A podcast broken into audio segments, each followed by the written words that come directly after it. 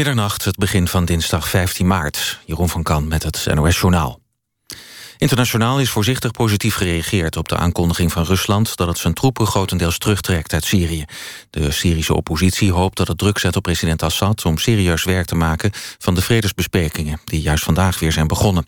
Ook minister Koenders hoopt erop, maar wil wel eerst bewijzen zien dat de Russen zich daadwerkelijk terugtrekken. Volgens president Poetin heeft de militaire interventie in Syrië zijn doel grotendeels bereikt. Een fundamentele ommezwaai in de strijd tegen het terrorisme. Of de terugtrekking betekent dat Rusland helemaal stopt met luchtaanvallen in Syrië is nog onduidelijk. Macedonië brengt de honderden vluchtelingen die via een rivier op Macedonisch grondgebied wisten te komen meteen weer terug naar Griekenland. De ongeveer 800 mensen zaten in een Grieks kamp en besloten de oversteek te wagen omdat de omstandigheden in het kamp slecht zijn. Ze wisten de gesloten grens via een rivier te omzeilen. Bijna 300 grote beleggers willen Volkswagen voor de rechter slepen. Ze eisen 3,2 miljard euro van de Duitse autobouwer... als compensatie voor de forse koersverliezen de afgelopen maanden... nadat het schandaal met Schummel-diesels naar buiten kwam. Onder de schuldeisers zijn Duitse verzekeraars en een Amerikaans pensioenfonds. Het bedrijf is door het schandaal miljarden euro's minder waard op de beurs. In Nederland hebben zo'n 5000 Volkswagen-bezitters zich aangesloten... bij een massaclaim tegen de autofabrikant. Een tot nu toe onbekend fregat op de bodem van de Finse Golf... is hoogstwaarschijnlijk een 18e-eeuw schip uit Medemblik. De gemeente zegt dat het vrijwel zeker gaat om het oorlogsschip Huis de Warmelo uit 1708. Toen een Medemblikse historicus vorig jaar een oude zeekaart terugvond... bleek dat het gevonden schip waarschijnlijk uit Nederland komt. Een duikteam moet dat nu definitief bevestigen. Het weer. Lokaal kan mist ontstaan vannacht. De temperatuur zakt naar 3 graden aan zee... tot iets onder het vriespunt in het zuidoosten. Morgen begint de dag op veel plaatsen grijs. Later zijn er opklaringen en het wordt een graad of 9. Dit was het NOS Journaal. NPO Radio 1. VPRO. Nooit meer slapen.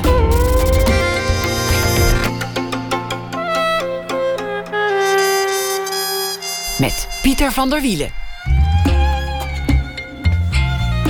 Goedenacht en welkom bij Nooit meer slapen. Op de motor door de USA. De droom van velen, ook van fotograaf Robin de Pui. Zometeen hoort u haar over de tentoonstelling die dat heeft opgeleverd. Ook een verhaal naar ene van Rob van Essen. Over zijn boek Kind van de Verzorgingsstaat komt hij vertellen. Herinneringen aan een tijd waarin leven van een uitkering gewoon de norm was. En Thomas van Aalten zal deze week elke nacht een verhaal voordragen over de voorbije dag. Maar we beginnen met Louise Fresco, De Tuin van de Sultan van Rome. De titel van een novelle, ooit uitgegeven gebracht, zo'n tien jaar geleden. Over een vluchteling of een gelukzoeker, zo je wilt, die illegaal moet overleven in de stad Rome. Een nieuwe uitgave met een nieuw voorwoord, want destijds kon Fresco niet vermoeden hoe groot de toestroom van migranten zou worden en hoe nijpend dat probleem zou worden. Louise Fresco, geboren in 1952, is schrijver, bestuurder en wetenschapper, woonde bijna tien jaar in Rome, waar ze een hoge baan had bij de Wereldvoedselorganisatie FAO. Schreef eerder onder meer de roman De Utopisten en het boek Hamburgers in het Paradijs. En tegenwoordig is ze ook voorzitter van de Universiteit van Wageningen, Wageningen University and Research. Welkom, Louise Fresco. Dankjewel, Pieter. Laten we het eerst hebben over, over de persoon over wie de novelle in der tijd ging. Het was de tijd dat je nog in Rome woonde, daar belangrijk was, een hoge chique baan had, je, je helemaal te pletter werkte en dan af en toe boodschappen deed en thuis kwam of je auto ergens kwijt moest in het overvolle Rome. En ineens was daar die jongen. Wie was dat? Ik wilde bij even bij zeggen dat ik een piepklein autootje had. Hè? Ja, dat hebben ze allemaal in Rome. ja, precies, in het centrum. Probeer die nog maar eens kwijt. Nog steeds. Die jongen waarover de novelle gaat, heeft echt bestaan. Althans, ik heb natuurlijk zijn leven ingevuld. Maar het was een jongen die ik tegenkwam op een uh, dag voor kerst in de kou. Die stond uh, ja, eigenlijk op de rand van de plek waar ik normaal uh, vlak bij het Forum Trajanum mijn auto parkeerde. En die ja, die probeerde ergens mij te laten zien waar ik kon parkeren. En dat was een bekende manier voor mensen aan de marge van de samenleving om nog een paar centen te krijgen. Maar dit was een hele kleine uh, jongen eigenlijk nog.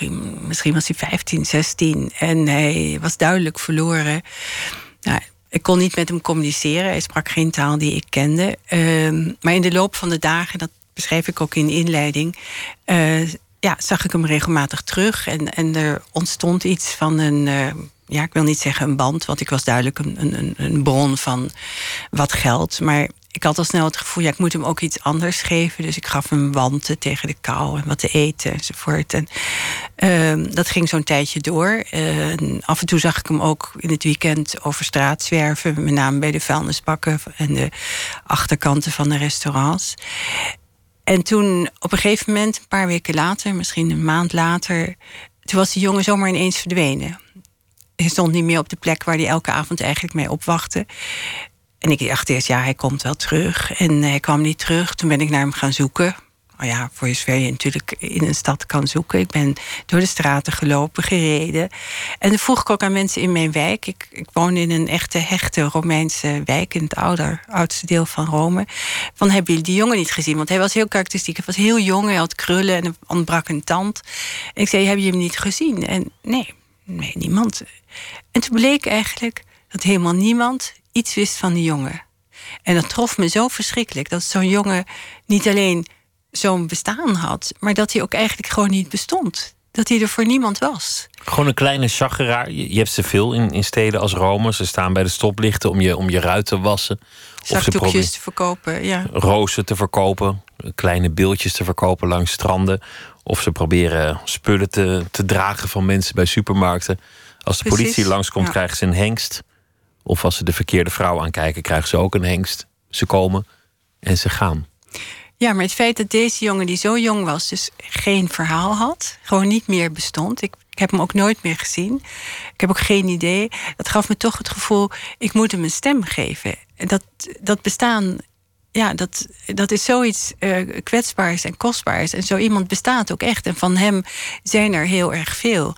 Dus ik, uh, ja, ik heb er toen een paar maanden over gedaan. Ik heb echt gekeken naar hoe, hoe gaat het met illegale immigranten in die stad. En toen heb ik ook ontdekt dat je dus echt waar verschillende wijken hebt. Hè. Op de ene plek zitten de Senegalezen, op de andere plek zitten de Albaniërs. Dat was toen eigenlijk al, al heel duidelijk. En daar had je de Syriërs en uh, daar had je de andere Noord-Afrikanen. En die hadden allemaal territorium verdeeld. En uh, toen ik me daarin ging verdiepen, dacht ik, ja, hij moet ook wel eens toch iets van de sociale structuur gehad hebben. Maar wat ik het interessantste vond, was om hem een stem te geven. En die dronk zich ook literair helemaal vanaf het eerste begin aan mij op. Ik moest het niet in, in de ik-vorm doen, want ik kon niet in zijn schoenen staan. Ik moest ook niet in de abstracte, afstandelijke hij-vorm doen. Ik moest hem als het ware aanspreken met jij. En zo is dat boek ook opgebouwd, wat echt heel raar is. Want je hebt niet veel boeken die in de tweede persoon enkelvoud zijn geschreven. Maar ik, ik wou als het ware dat iemand, en dat laat ik ook een beetje in het midden wie dat dan is, hem aanspreekt over zijn leven daar, over wat er gebeurd is. Want als je hem een verhaal geeft, als je hem een stem geeft, ook al, ook al is het fictie, dan, dan heeft hij bestaan. Dan is hij weer mens geworden. Dan is hij niet een anoniem inwisselbaar verschijnsel. Ja, dan heeft hij een stem. En, en zijn stem staat natuurlijk voor mij voor die veelheid aan stemmen van, van illegale chageraars, immigranten, gelukzoekers. Maar het is ook een blik. Het is de blik van iemand die echt niets weet van de westerse samenleving. Die alles interpreteert in het enige kleine kader wat hij heeft. In dat dorp waar die is opgegroeid, wat ik ook een beetje in het midden laat. He, die kan dus ook niet nadenken over wat is de Romeinse cultuur. Die weet niet wat het Colosseum is. Die weet niet wat een Romeinse keizer is. Dus die denkt alleen maar in termen van ja, een, een shah en, een, en jeans, boze geesten en dingen die hij uh, ja, ergens van horen zeggen heeft. En dat vind ik zo interessant, dat als je dus die vanzelfsprekendheden van die westerse samenleving niet hebt, dat je ook op een totaal andere manier naar wat wij beschouwen als de grote stad van de grote cultuur van het begin van onze beschaving kijkt. Hij komt um, vanuit een betoverde wereld, waarin bijgeloof of geloof een enorme rol speelt, naar een samenleving die heel anders in elkaar zit. Begrijpt het ook niet echt. Maar er is ook een soort magie vanwege dat vervallen.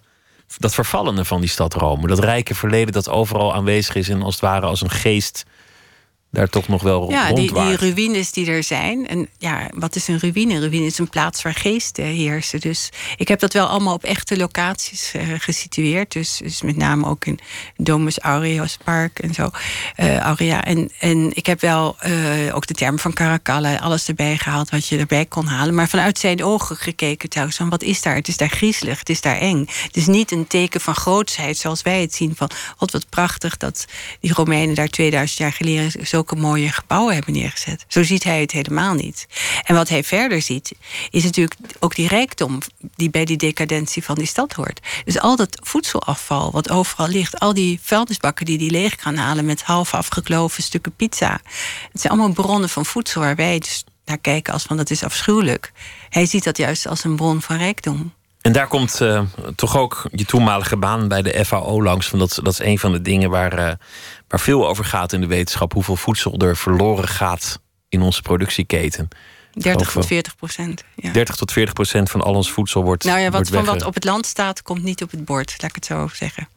Ja, oké. Okay, 100% efficiëntie zou daarin niet, uh, niet te bereiken zijn, denk ik. Maar dat zou wel minder kunnen. Je kon toen nog niet vermoeden hoe groot die migrantenstroom zou worden. Vandaar dat het boek nu waarschijnlijk ja. op, opnieuw is uitgebracht. Ja, omdat het natuurlijk nu eigenlijk een heel actueel boek is geworden ineens. Terwijl toen ja, een beetje toevallig leek dat ik naar hem keek. Maar ook toen al had ik wel het gevoel hè, dat Italië ligt natuurlijk ook zo strategisch in het Middellandse zeegebied.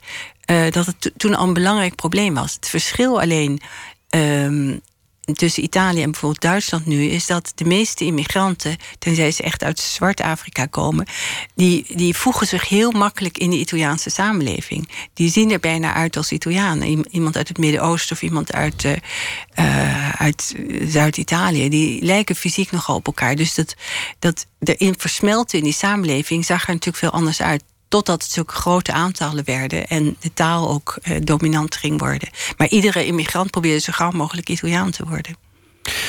Laten we daar straks nog meer over hebben. Ik wil het eerst ook hebben over, over je eigen achtergrond. Wat je net zei, het verhaal, een verhaal willen geven aan iemand die anders geen verhaal heeft. Dat, dat lijkt een soort humanistisch ideaal. Is dat iets waar je mee bent opgevoed? Met, met, de gedachte dat, dat ieder mens stelt of dat je je over iedereen moet ontfermen? Wat, wat voor. Uh, idealistische omgeving ben je eigenlijk mee groot uh, geworden? Nou, ik weet niet of dat idealisme er zo sterk in zat. Hoewel, uh, ik denk dat mijn ouders na de oorlog wel het gevoel hadden... Ze waren jong, nog scholieren in de oorlog... dat uh, zeker mijn vader, die heeft zich wel bemoeid... ook met Europese studentenbewegingen. Hij was uh, filosoof van huis uit. En ook, ook klassicus, archeoloog een tijdje. Dus hij had wel het gevoel van, van die historische diepte, zou ik maar zeggen, van onze beschaving. En het idee dat ieder mens stelt, dat heb ik mezelf ook heel erg eigen gemaakt. Ook al was ik heel jong. Dat heeft voor mij altijd een belangrijke rol gespeeld. Ik heb er tijden mee gespeeld om een soort Albert Schweitzer te worden. Weet je, dat leek me ja, wel een, een, logische optie. Toen ik al die boeken over hem had gelezen. Tot ik bedacht van ja, dat is allemaal leuk en aardig. Maar dan, dus dan ging ik medicijnen studeren, dat was dan het idee. Maar ja, dan maak je mensen beter en hebben ze vervolgens nog niks te eten. Dus toen dacht ik in al mijn eenvoud op mijn zestiende... nee, maar ik moet naar Wageningen. Want uh, als je mensen te eten wil geven... moet je niet alleen maar ze beter maken. Want dan lost je het probleem niet op. Zo jong al dacht je, dat moet mijn missie worden in het leven. De, de wereldvoedselproblematiek. Nou, het woord missie kwam helemaal niet bij me op. Maar ik had wel het gevoel... en dat heb ik waarschijnlijk uit mijn jeugd meegekregen... Um, dat je wel iets met je leven moet doen. En dat het feit dat je in uh, uh, ja, een gunstig gesternte of onder een gunstige gesternte bent geboren in een welvarend land zoals Nederland. In een situatie waarin ik eigenlijk alles mocht en kon, binnen bepaalde grenzen, in ieder geval naar school mocht en wat dan ook, dat je dat ook een zekere verplichting geeft. Dus dat, en dat is geen merite van jezelf. Ik had voor hetzelfde geld, en dat zeg ik ook wel ergens in een van mijn eerdere boeken, had ik in de achterwijken van Calcutta geboren kunnen worden. En dan had ik geen enkele kans gehad. Dan was ik waarschijnlijk al lang dood geweest. En het feit dat ik nu ergens anders ben geboren, uh, geeft ook wel een zekere verplichting. Dat heb ik wel heel sterk gevoeld van jongs af aan. Je groeide voor een groot deel op in Brussel. Je, ja, tot mijn achttiende. Ja. Je vader was uh, filosoof en klassicus. Ja. Dat, dat klinkt ook als een heel erudiete omgeving. Waar, waar uh, ja, dat was studie ook wel zo. belangrijk was. Ja, het was tot op het absurde hoor. Want hij had de neiging om soms Grieks tegen ons te praten aan tafel. Wat toch, uh, en het was een soort regel van je mocht alles uh, lezen, maar je mocht het alleen maar in de originele taal, tenzij het Russisch was. Ja, dus dat was een beetje absurd. Maar goed, het was, een, het was natuurlijk een, een jeugd met ongelooflijk veel boeken en ongelooflijk veel mogelijkheden wat dat betreft. En de boeken die stonden ook overal door het hele huis in stapels. En ja, dat was er allemaal. Dus dat was geweldig. Maar dat was nog niet per se uh, een voorbereiding voor uh, naar Afrika gaan. Dat, dat hebben mijn ouders ook nooit echt heel erg uh, gewaardeerd. Dat vonden ze toch eigenlijk niet deel uitmaken van westerse beschaving. Want dat deed je later als, als jonge wetenschapper trok je naar tropische ja, gebieden? Ja, mijn studie. Want in Wageningen moesten we um, allemaal een soort uh, lange stage doen in het buitenland. Dus ik ben al heel vroeg op mijn 21ste of mijn 22ste naar Afrika gegaan. Er was een beginsel dat, dat heet lernen. Ja. Dat is iets, iets anders dan leren.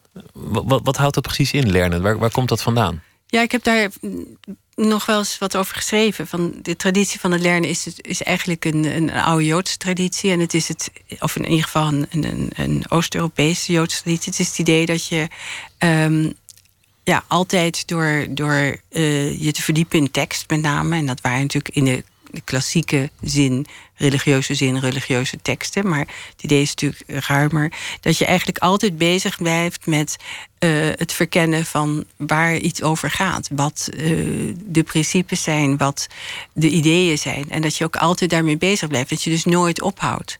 Dat idee van het leren is iets, iets continuus. Het is continu zoeken naar betekenis. Nou, dat kun je toepassen op een religieuze tekst, maar je kunt dat natuurlijk ook op het hele leven toepassen. Dat gaat verder dan gewoon uh, erudiet zijn en in de boeken zitten. Daar, daar lijkt ook in te zitten dat je er vervolgens iets mee moet doen. Toch, toch ook wat, wat ik bij jou in je, in je levensvisie ja. proef van je, je moet ook iets doen met die kennis. Ja, nou ja, dat, dat is ook zo. Er is een, natuurlijk ook een belangrijk principe dat je de wereld beter zou moeten maken hè?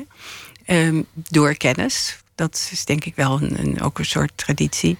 Maar goed, eh, tussen droom en daad staan vele bezwaren en problemen. Want je maakt de wereld natuurlijk niet alleen maar beter door kennis. Uh, heel veel dingen die gebeuren ook nu rondom ons heen zijn, uh, zijn politiek. En kennis kan maar tot op zekere hoogte helpen om dingen op te lossen. En kennis moet ook aanvaard worden. Precies. En wat je nu ziet, en dat baart me ook wel zorgen, is uh, die discrepantie tussen kennis en emotie. Dus wat nu steeds meer telt, is de emotie en niet per se uh, het objectieve feit. Voor zover een feit objectief kan zijn. Wat jouw droom is dat de feiten zouden winnen? Nee, ik denk wel dat er altijd ruimte voor emotie zou moeten zijn. Maar uh, het is wel van belang om, om te zien dat als je emotie afwijkt van de feiten, dat, dat je daar iets aan, uh, aan zou moeten doen. Al is het maar door een gesprek om te kijken van waar liggen dan de emoties? Wat is dan het verschil in perceptie?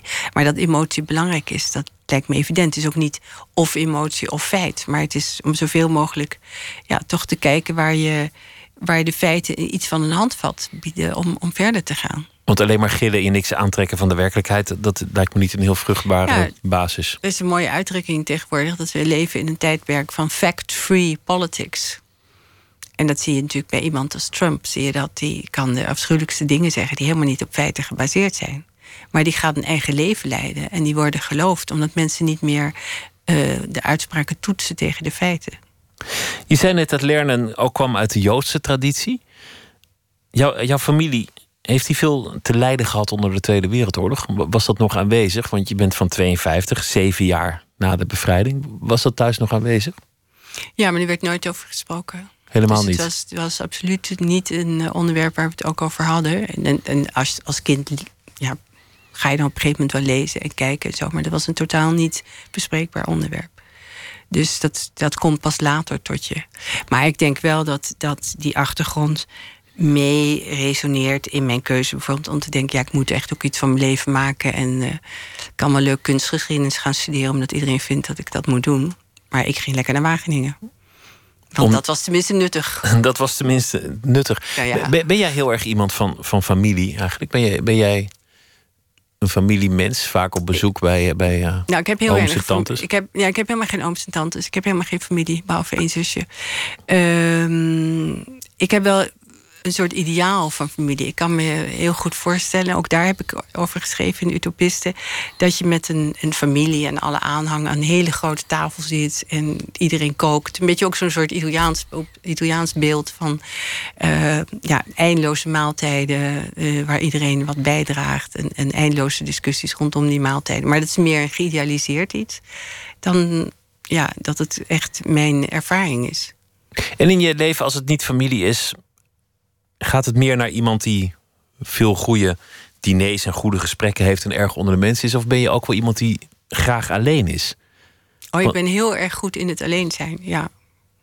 Maar alleen zijn, kan je, dat is niet een doel op zich. Het is natuurlijk juist het mooie als je en alleen kunt zijn en met anderen kunt zijn.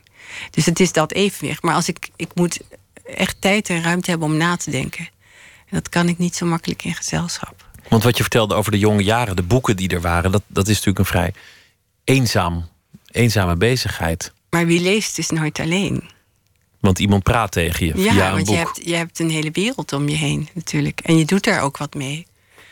Dus, dus uh, boeken lezen is niet een eenzaam bestaan op zich. Maar voor een tiener misschien wel, op de een of andere manier. Omdat tieners, dat is een, dan je brein is in ontwikkeling... en je bent bezig met uitvinden hoe de wereld in elkaar zit... om, om dan veelvuldig alleen te zijn met een boek. Ja, maar ik was een ziekelijke, miserabele tiener die een belangrijk deel van zijn tijd in bed doorbracht. Uh, dus voor mij waren boeken ideaal. Dat was zwak van gestel. Zwak van gestel. En dat was, voor mij was dat voortreffelijk. Zelfs zover ging dat. Dat als ik dan in, in mijn bed lag of in mijn ziekenhuisbed. Dan, uh, en dan kwamen mensen langs. Dan deed ik wel eens mijn ogen dicht. En dacht iedereen dat ik sliep. Maar dan was ik ondertussen bezig allerlei verhalen te verzinnen. En allerlei dingen, allerlei reizen te maken. En, dus dat was, uh, ja, ik heb, heb dat niet zozeer ervaren. Je, ja, ik kan niet. Ik weet niet hoe het is als het anders is, natuurlijk. Maar uh, ik denk dat ieder mens moet worstelen met de, het evenwicht tussen in gezelschap zijn en alleen zijn. Dan kan ik me wel voorstellen waarom uh, aanvankelijk de gedachte om naar Afrika en andere tropische gebieden te gaan met, met scheve blikken werd ontvangen. Als je, als je je hele jeugd ziekelijk was geweest en, en zwak van gestel om dan naar zo'n omgeving te gaan. Ja, natuurlijk. Dat vond iedereen ook een heel slecht idee, maar ik vond het een goed idee. En je hebt het gered. Hoe heb je, hoe heb je ja, dat natuurlijk. Nou, ik ben ook regelmatig heel erg ziek geweest. Ik ben twee keer geëvacueerd uit Afrika met hersenmalaria. Dus uh, een boze tong beweren dat mijn verstand sindsdien ook echt ernstig aangetast is. Nee, dat is een grapje. Maar uh, ja, je, je moet gewoon heel erg je tanden op elkaar zetten af en toe. Maar ja, dat is niet erg als je, als je denkt uh, aan wat je zou kunnen doen. Of, uh, je kunt stilstaan bij wat er allemaal niet lukt en wat moeilijk is. Of je kunt denken van ja, het zijn gewoon allerlei dingen die, die wel kunnen. Het is ook een ongelooflijk voorrecht om een ander deel van de wereld te kunnen zien. Een andere cultuur enigszins te leren begrijpen. Dus ik, ik heb het toch niet ervaren als heel zwaar. Achteraf denk ik wel hoor. Als ik nu terugkijk. Als ik wat ik deed tussen mijn, zeg maar, mijn 24ste en mijn 34ste. Dat was af en toe levensgevaarlijk. Ik had nooit iemand. Als het onder mijn verantwoordelijkheid zou zijn gebeurd. Ik werkte in die tijd voor de Verenigde Naties. Ik had nooit iemand onder zulke primitieve omstandigheden. Uh, zo weggestuurd. Met zo weinig middelen van communicatie. Geen telefoon, niks. Uh, heel slecht klimaat, gevaren enzovoort. Maar dat is achteraf gedacht. Ik was helemaal niet bang in die tijd. Je was ook streng voor jezelf. Je vond ook dat je het moest doen waarschijnlijk. Dus zat ik wel een soort discipline achter. Hmm. Maar, maar wat deed je eigenlijk? Want je, je ging als, als voedselplantendeskundige erop Ja. uit... Om, om plantenziekten te bestuderen in onherbergzame gebieden... met Ja, hoge heb- temperaturen. Ja, nou ja, goed. ja, het ging eigenlijk over het verbeteren van de voedselproductie of van de, van de ontwikkeling in wat bredere zin. En eh, nou, bijvoorbeeld die jaren die ik in de Congo heb doorgebracht. Ja, daar was ik verantwoordelijk voor een gebied wat drie keer zo groot was als Nederland. Dat kan je al helemaal niet voorstellen. Met maar een paar wegen en, nauwelijks bruggen. En eh er waren situaties waarin je soms de hele dag moest wachten tot er een pontje was die eh, de rivier over kon trekken. En eh, ik sliep op het dak van mijn landrover en dat soort dingen. Maar ja, het had ook wel een soort vrijheid. En vooral als je dan niet gehinderd wordt door enige angst eh, of enige echte bezorgdheid. voor wat er allemaal had kunnen gebeuren. En echt denk van ja, wat. Het was natuurlijk, mensen waren zo arm dat alles wat je deed was, was meegenomen. Eh, alleen al het serieus nemen wat het probleem was. zorgen voor beter zaaizaad of zo. Dat waren echt hele basale dingen. Maar daar leer je ongelooflijk ook de waarde van kennen van ja, wat nou werkelijk telt in, een- in een mensleven. Als je de armoede ziet en ook ehm, de mensen die de klappen vangen van het wereldvoedselsysteem, dan weet je ook waar je als wetenschapper aan werkt wanneer je daar onderzoek naar en dan naar neem je nooit meer de dingen die wij nu zo makkelijk om ons heen zien als vanzelfsprekend. Dat is in feite ook wat weer terugkomt in de tuin van de sultan. Het idee dat echt niks vanzelfsprekend is. Van dat elektriciteit, uh, voedsel, transport. Ja, wij denken allemaal, het is er gewoon. We gaan naar een supermarkt en er is altijd te eten. Het, licht gaat altijd aan. Maar als je zelf, uh, zoals ik, zoveel jaar hebt geleefd zonder uh, stromend water en zonder elektriciteit, dan is dat nooit meer vanzelfsprekend als je terugkomt.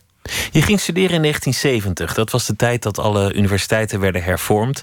Het was de tijd van uh, mannen met baarden en sandalen en heel veel idealen en uh, akoestisch gitaren. Nou, ik kan nog een paar clichés op een rij zetten, maar een heel idealistische tijd. En je werd door velen gezien als, als in dat opzicht een vreemde eend in de bijt. Om, omdat je niet op die manier idealistisch was. Je, je was wat netter dan de ander ja, ik stond natuurlijk. Ik stond wel te stenselen hoor. Maar ik was natuurlijk niet van het marxisme.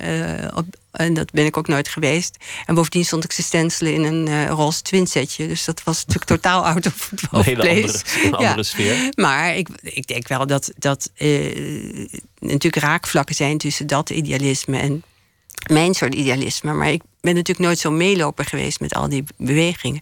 Bovendien dat Wageningen, dat waren natuurlijk in die tijd ja, ook heel veel boerenzoons of zoons van, van ja, grote families eh, met veel land enzovoort. En ik was dus meisje daar überhaupt een uitzondering. Hè? Dus het was al zo eh, eh, bijzonder dat ik daar was, dat ik ook gewoon buiten alle categorieën viel. En dat maakt het wel zo makkelijk in zekere zin. Kennis is meer dan kennis alleen, want kennis kan ook oplossingen bieden aan heel veel problemen. Is dat nog, nog steeds, omdat je net zei, ja, het gaat ook over emotie, het gaat ook heel erg over politiek en macht. Is voor, voor jou de basis nog steeds de gedachte dat kennis uiteindelijk de sleutel is naar een eerlijker wereld of een beter voedselsysteem, dat soort dingen? Ja, dat denk ik wel. Ik denk dat je ook echt heel goed kunt aantonen met harde feiten dat dankzij kennis, dus zeg maar wetenschappelijk onderzoek, we nu in principe voldoende voedsel kunnen produceren voor iedereen. En als we het onderzoek niet hadden gehad, hè, dan waren landen als India en China ook in een desastreuze hongersnood terechtgekomen. Dus dat kun je ook echt heel erg hard maken. Dat kennis in dit opzicht van, van de genetica van planten, van de voeding van planten, uh, echt heel veel verschil hebben gemaakt. Dat geldt ook aan, in de medische sector. Hè. Het feit dat we antibiotica hebben, uh, het feit dat we pijnstillers hebben, dat heeft zoveel veranderd, zoveel verbeterd. Eigenlijk alles om ons heen, wat we nu zien, is gebaseerd op kennis. Alleen de tragiek van vandaag is dat we het zo als vanzelfsprekend zien, dat we niet meer zien dat, dat blijven investeren in kennis zo belangrijk is. Net als al die dingen die je net zei. We, zijn dingen als vanzelfsprekend gaan beschouwen. En daarom zijn we er misschien ook onzorgvuldig mee. Ja, en kennis is, is wel iets wat je moet blijven ontwikkelen. En er gebeuren nu ontzettend veel dingen die, die potentieel ja, onze wereld echt heel erg kunnen veranderen. Of het nou is op medisch gebied, weer opnieuw genetica of ja, alle big data dingen. De, de hele eh, digitalisering van de wereld gaat ontzettend veel verschil maken. En eigenlijk uh, mag je het je niet veroorloven, denk ik, als samenleving, ook niet als individu, om daar totaal onverschillig tegenover te staan. Het is ook een wonder dat het goed is gegaan. Want, want mensen zeiden rond 1970, de tijd dat jij ging uh, studeren, dat het mis zou gaan met de wereld. De bevolkingsgroei mhm. zou niet op te vangen zijn. Het, het, klimaat zou het begeven, het milieu zou het begeven, maar vooral de voedselproductie zou niet afdoende zijn om al die mensen te voeden. Ja, dat waren toen eh, van die beelden, weet je wel, van de, de, de aarde als een soort eh, reddingsbootje. En daar zouden dan te veel mensen op dat reddingsbootje zitten en dan moesten mensen daar afduwen. Dat was een heel eh, ja, bekend doemdenker. Van ja, er is gewoon, de aarde is te klein. Nou, dat is dus helemaal niet het geval. We kunnen echt makkelijk alle mensen die er zijn en die er nog komen voeden. en dat is dankzij, dankzij de wetenschap. Dus dat is er wel. Dat wil niet zeggen dat er niet ook een aantal fouten zijn gemaakt, met name in het gebruik van chemicaliën. En die zijn we nu langzaam maar beter aan, een beetje aan het corrigeren. En dat gaat ook steeds beter. Maar zonder wetenschappelijk onderzoek was het inderdaad heel erg slecht gelopen. Dat is ook zo. Maar het bijzondere van de mens is natuurlijk, in tegenstelling tot primaten, ja, andere soorten in, uh, op deze aarde, is dat wij kunnen leren ook van voorgaande generaties en voortbouwen op de kennis die er is. Dus wij zijn natuurlijk altijd in staat geweest om, om ons aan te passen aan nieuwe omstandigheden. En het idee dat er te veel mensen waren, dat hoor je nog steeds wel eens, maar dat is eigenlijk helemaal geen issue meer voor wetenschappers. Dat het, eh, onze zorg wordt straks dat er te weinig mensen zijn, in ieder geval in bepaalde delen van de wereld, zoals in Europa. We gaan uh, straks verder praten ook uh, over de migrantenproblematiek en over uh, voedsel en wetenschap. Maar eerst gaan we luisteren naar een zangeres uit Engeland, Frances, met Don't Worry About Me. I'll feel the fear for you. I'll cry your tears for you. I'll do anything I can to make you comfortable. Even if I fall down when you're not around, don't worry about me. Don't worry about me. Cause if I fall, you fall. And if I rise, we'll rise together. When I smile, And don't worry about me. Don't worry about me.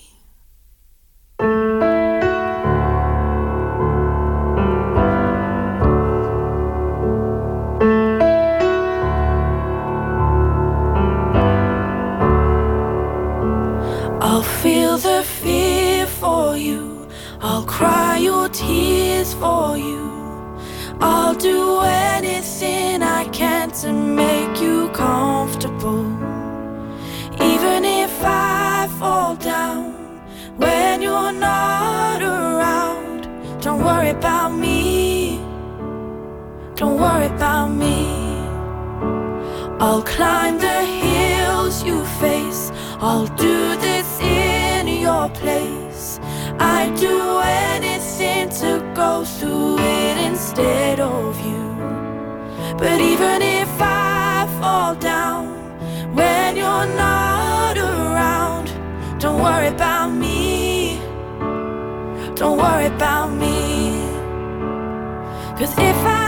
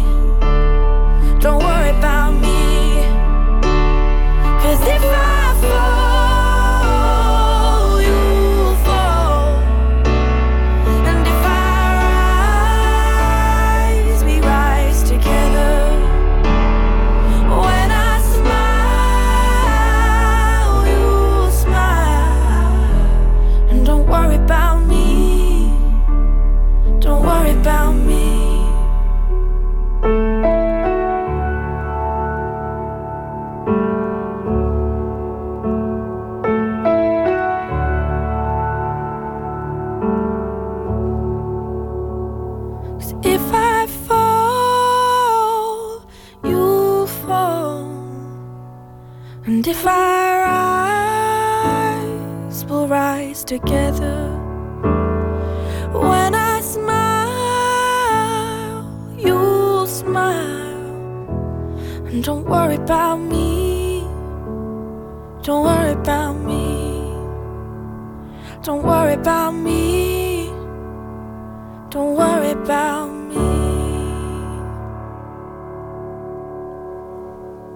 Don't worry about me. Dat was Francis Nooit meer slapen in gesprek met Louise Fresco naar aanleiding van het verschijnen van het boek De tuin van de sultan van Rome. We hebben het over eh, best veel dingen al gehad. Over de totstandkoming van het, het boek. We hebben het heel even gehad over de migranten in Rome die je in je omgeving zag. We hebben het gehad over je opgroeien in Brussel.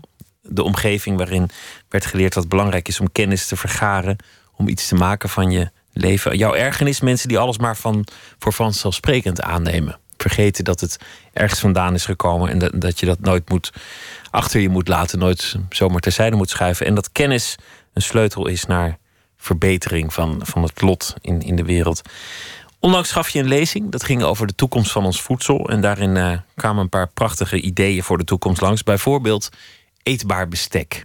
Ja. Wat, wat moet ik me daarbij voorstellen?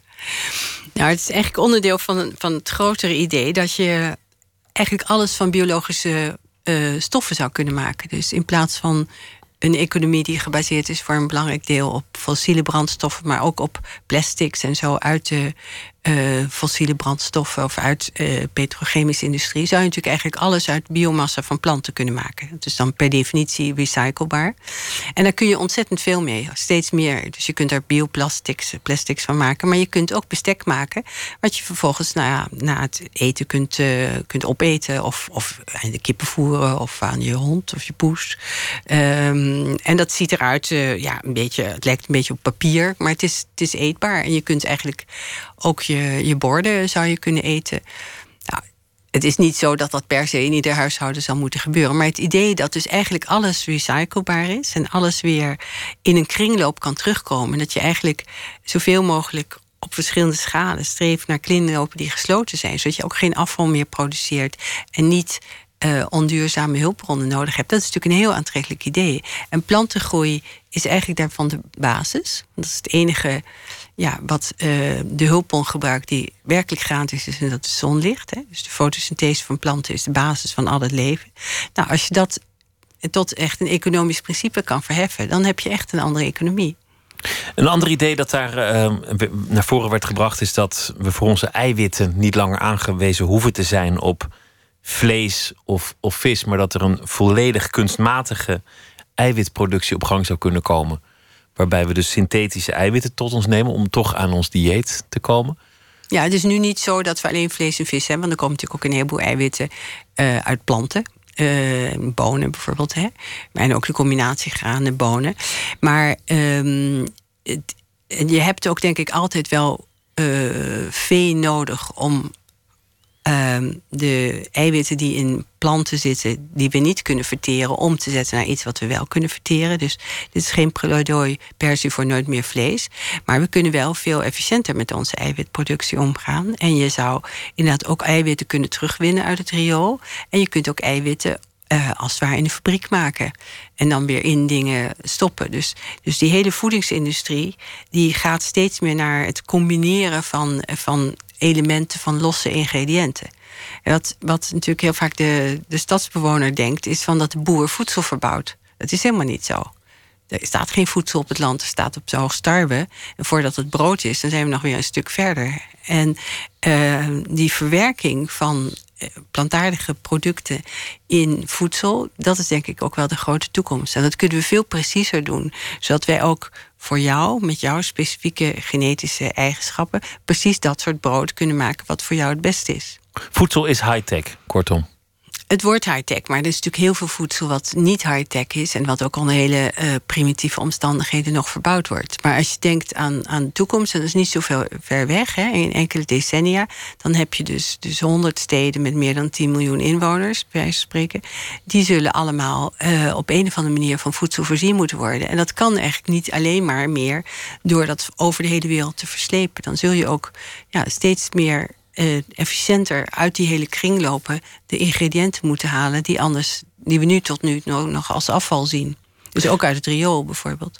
Nou is, uh, hadden we het net over het succesverhaal van de voedselindustrie. Mensen dachten het zal nooit lukken met zo'n bevolkingsgroei om die allemaal te voeden. Voor een groot deel is dat gelukt. Er zijn natuurlijk nog steeds gebieden waar ondervoeding en honger heerst, maar dat heeft soms ook te maken met verdeelproblematiek en met economie en met oorlog en, en politiek. Maar de voedselindustrie die heeft toch een flinke slag geslagen. De andere epidemie is niet honger, maar juist obesitas. En, en ook andere klachten die te maken hebben met te veel of eenzijdige voeding, te veel zout, bijvoorbeeld te veel suiker, te veel vet. Je zou kunnen zeggen dat is ook de schuld van die voedselindustrie. Ja, het woord schuld is denk ik onhandig hier, omdat er heel veel factoren een rol spelen. Uh, het is ook zeker zo dat, dat er uh, pas nu eigenlijk daagt dat je heel veelvuldig moet kijken naar de samenstelling van verwerkt voedsel omdat inderdaad uh, het risico op te veel zout, te veel vet en zo uh, groot is. Het is natuurlijk wel de consument die het in zijn of haar mond stopt. En, maar die moet je natuurlijk ook beschermen. Dus de industrie is wel bezig om dat terug te dringen. Maar zout en vet hebben ook weer hun, hun functie. Je, zonder vet zou je ook geen voedsel kunnen, kunnen hebben. Zonder suiker. Suiker is natuurlijk ook, heeft ook zo zijn, zijn rol als snelle leverancier van calorieën. Maar we zullen nog veel zorgvuldiger daar, uh, daarnaar moeten kijken. En ehm, ik denk dat we eigenlijk nu een, een, een overgangssituatie beleven, echt ook mondiaal en zeker ook in het Westen, waarin onze levenswijze en onze keuzes en onze waarden nog niet zijn afgestemd op een situatie van overvloed. Dat is in feite ook het hele thema van mijn boek Hamburgers in Paradijs. We hebben eigenlijk plotseling in een paar decennia overvloed in de schoot gekregen, uh, geworpen. En, en we kunnen daar nog niet mee omgaan. We zijn ook biologisch, als het ware, nog niet op ingesteld om, uh, om nee te zeggen tegen die, die enorme verleiding van voedsel. Want wij zijn evolutionair toegerust op het zoeken naar proteïne, calorieën en, en dingen die ons op de savanne doen overleven. Nou ja, en vooral dingen die dus snel energie geven. Dus vetten en suikers. Uh, en zout stimuleert vaak nog uh, dat we dat lekker vinden. Ja, die zijn gewoon in trek. En, en er is toch een, een, een, een ja, oud overlevingsmechanisme van als er voedsel is, dan moeten we het eten. Maar kun je dan de consument daarvoor uh, verantwoordelijk stellen? Want is die weerbaar genoeg tegenover de marketing en toch ook wel de onduidelijkheid van de etiketten van, van de nou, Dat lijkt ook heel moeilijk te zijn. En het is ook nog gekoppeld natuurlijk aan een verandering in levensstijl. En wij, wij hebben veel minder lichaamsbeweging. En we hebben natuurlijk ook voortdurend die, die winkels die open zijn tegenwoordig. En, en je kunt dus echt letterlijk bijna dag en nacht lopen grazen, lopen eten. Dus, dus er is ook een zekere, uh, zeker een verantwoordelijkheid voor alle partijen. Dat geldt ook voor de overheid, geldt ook voor, voor uh, het bedrijfsleven en voor de consument zelf. Want niet iedereen wordt obese. Maar er speelt vast ook een, een, genetische factor. Dus het is een heel complex van dingen waarbij we denk ik veel beter nog op elkaar moeten afstemmen hoe we nu aan een voedselaanbod komen wat ja, de consument gezond maakt, gezonder maakt. Uh, niet tot overvloed leidt, uh, maar wel voldoende keuze. Want ja, consumenten zijn natuurlijk ook nu verwend dat er zo ontzettend veel keuze is. Dus ja, alle soorten jam afschaffen en nog maar één overhouden is ook niet meer wat je kunt doen. Maar is het, is het uh, raadzaam dat universiteiten zoals Wageningen zo nauw samenwerken met die voedselindustrie, als er juist schaarste is aan onafhankelijke kennis en ook aan mensen die voor de consument een gids zouden kunnen zijn in de onduidelijkheid van, van de supermarkt. Maar ik denk dat we dat ook allemaal doen. Dus we werken niet, natuurlijk niet alleen met het bedrijfsleven, maar ook met allerlei maatschappelijke organisaties en heel veel met de overheid. De overheid is een van onze belangrijkste opdrachtgevers. En als het gaat um, om de samenwerking met het bedrijfsleven, dan is het misverstand dat wij dingen zouden doen die het bedrijfsleven graag wil. Zo ligt het niet. Het maar het is de reputatie van de Wageningen Universiteit in kringen van de milieubeweging wordt heel vaak gezegd: het is een, een, een lobby-universiteit of, of al die termen. Ja, maar als je kijkt naar de realiteit, hè, feiten versus emotie, uh, dan is het natuurlijk zo waar, waar het bedrijfsleven in geïnteresseerd is, is veel meer fundamentele onderzoek. De dingen die nog helemaal niet duidelijk zijn. Het, uh, ja, het grensverleggende, uh, vernieuwende onderzoek, wat zij zelf niet kunnen doen en waarvan ook nog niemand weet wat eruit komt. Soms, soms is heel fundamenteel onderzoek bijvoorbeeld, uh, noem maar wat, uh, het resistentie in een bacterie voor een bepaalde virus kan eigenlijk leiden tot een nieuwe genetische techniek. Nou, dat weet niemand van tevoren. Maar dat is juist interessant. Dus ik, het is niet zo dat wij van WC Eend als industrie vragen de Universiteit van de WC Eend om nog eens te testen dat de WC Eend inderdaad goed werkt. Dat is, dat is veel te simplistisch, daar hebben ze ons helemaal niet voor nodig. En we hebben natuurlijk hele zorgvuldige afspraken altijd over dat alles gepubliceerd moet worden, dat het peer-reviewed, dus door anderen getoetst moet zijn. Dus het idee van dat je uitverkoop houdt, dat zou, zou voor ons ook heel erg slecht zijn. Dat, dat is helemaal niet wat we willen, want wij willen onze reputatie als beste universiteit, ons vakgebied natuurlijk hoog houden. Maar op een meer fundamenteel niveau zou je kunnen zeggen dat de mens is vervreemd van zijn voedsel. Mensen weten eigenlijk niet meer goed waar een voedsel vandaan komt. Mensen in westerse landen of in steden, ja, dat is zeker zo. En het is, dat is een enorme kloof. Maar die, die wordt alleen maar groter als je het nog meer high-tech maakt. Als, met eetbaar bestek, om, om maar even bij het voorbeeld te blijven. Dan wordt nog onduidelijker waar je voedsel eigenlijk vandaan komt en aan welke plant het ooit gegroeid heeft. Ja, maar dat is natuurlijk ook met je telefoon zo. Je weet ook niet hoe je telefoon werkt en wat de, waar de materialen vandaan komen. Dus dat is niet een pleidooi om alles high-tech te maken. Ik denk wel dat je heel goed moet uitleggen hoe die voedselketen in elkaar zit. En die is ook heel complex. En het is ook de vraag of de toekomst is dat alles over de hele wereld versleept moet worden en weer opnieuw geëxporteerd worden. Ik denk dat we daar naar een soort evenwicht ook uh, toe gaan groeien. Maar het is natuurlijk raar om te zeggen: we willen geen high-tech in, in voedsel. Wat, wat mensen eigenlijk zeggen als ze dat zeggen, is. Ik word er bang van als het zo onduidelijk is hoe die voedselketen in elkaar zit. Ik word er bang van omdat het van ver weg lijkt te zijn. Ik word er bang van, want misschien is het wel gevaarlijk of ongezond. En er hoeft maar één zo'n schandaal te zijn à la het paardenvlees of weet je nog wel die EHEC-bacterie in Duitsland, om iedereen echt bezorgd te maken. Dus die bezorgdheid begrijp ik ook heel goed. Maar weet je zelf nog, als je in de supermarkt staat, wat je precies kunt kopen, wat je moet geloven en hoe je een etiket eigenlijk moet lezen? Ja, ik heb natuurlijk een soort beroepsdeformatie daarvoor. Dus, uh, en ik heb ook jarenlang studenten, toen ik nog hier in Amsterdam zat, of hier in, in het westen van het land zat, uh, heb ik ook studenten meegenomen op wat ik dan noemde de supermarkt safari. Om inderdaad te kijken van wat, wat zit er nou precies ergens in. De meeste kunstconsumenten zullen dat ook niet doen, willen dat ook niet en moeten dat ook niet hoeven. Dus we moeten toch nog toe naar een, een systeem waar veel duidelijker is van ja, dit is. Uh, dit kan je kan je vertrouwen, hier kan je van op aan. Dat is echt, dus ligt natuurlijk niks in de Nederlandse supermarkt wat onveilig is op zich. Maar mensen hebben meerdere uh, doelen. Dus mensen willen eigenlijk dat het echt goedkoop is. Dat het uh, niet onnodig dierenleed veroorzaakt. Dat het Sommige mensen willen ook dat het fair trade is. Sommige mensen willen dat het lokaal is. En er zijn heel veel, heel veel factoren. En, en de, die kun je ook niet altijd in één ding combineren. Maar de trend ja, ik, ik, weet niet of je in trends moet praten, maar, maar het, het streven van heel veel schrijvers en, en, en wetenschappers op dit gebied en denkers is toch lokaal, natuurlijk. Ja, maar wat voedsel. is natuurlijk? Dat is dan een hele moeilijke vraag. Iets wat je oma zou herkennen als voedsel, zei ja, Michael dat zei. Michael Pollan. Maar jouw oma zou geen avocado's herkennen en geen kiwis herkennen. En waarschijnlijk ook niet um, de koffiezetmachine die je nu kent. En nog de auto's, nog de computer, nog de telefoon. Dus dat is een, ja, een argument wat vooral een soort gevoel is, een soort nostalgie. We willen helemaal niet terug naar de tijd van onze oma's. Maar wat ze wel willen, is beter begrijpen hoe dingen in elkaar zitten. Alleen de, het idee van dat alles lokaal moet zijn, dat is in Nederland al helemaal niet te halen. Want dan zouden we dus gewoon bijna niets meer kunnen eten. En dan kom je terug naar een situatie waarin je de winter alleen maar doorbrengt met aardappelen en een beetje kool en nog wat selderijknollen. En misschien eens in de week een lapje vlees.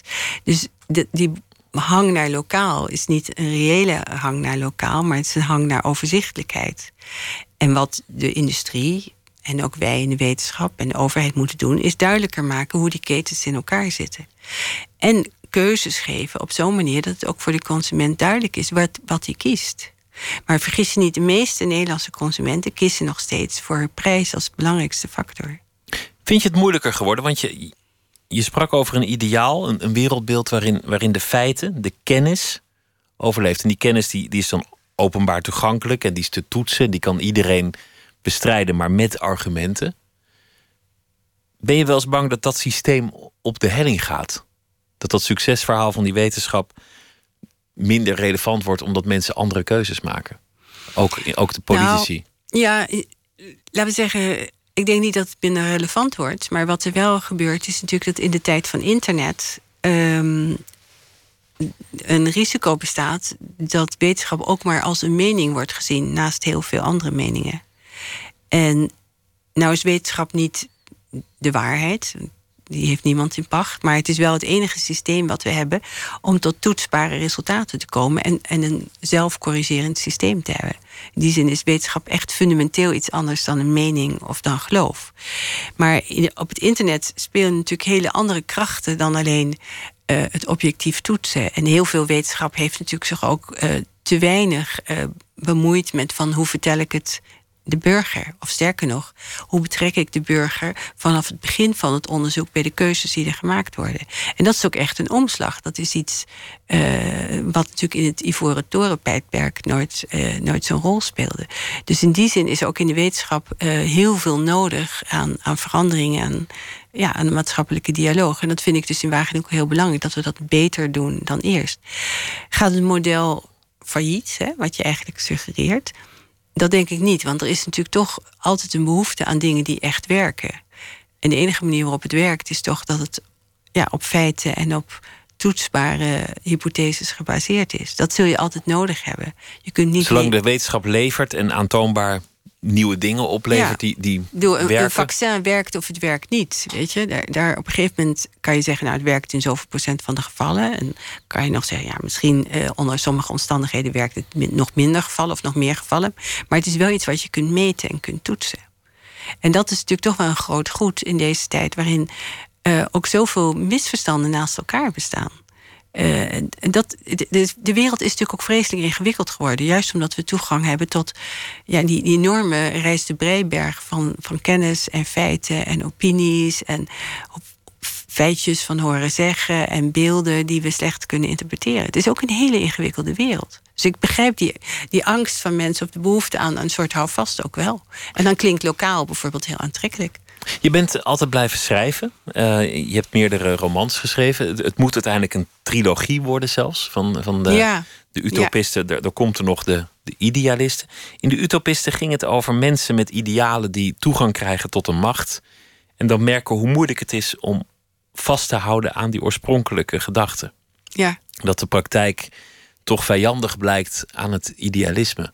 Of, of dat het proces vijandig blijkt aan Ja, en dat het heel moeilijk is om je idealen vast te houden als je inderdaad eh, in de in utopisten eh, heeft heel- een van de hoofdpersonen dus straks eh, ja, een soort rol van staatssecretaris of minister. Dan is het heel erg moeilijk om je te onttrekken aan eh, de hang naar compromissen, naar politiek eh, correcte uitspraken en gedrag en zo. Dus dat is altijd een, denk ik, een, ja, iets wat wringt. Ben je zelf stuk gelopen bij de FAO?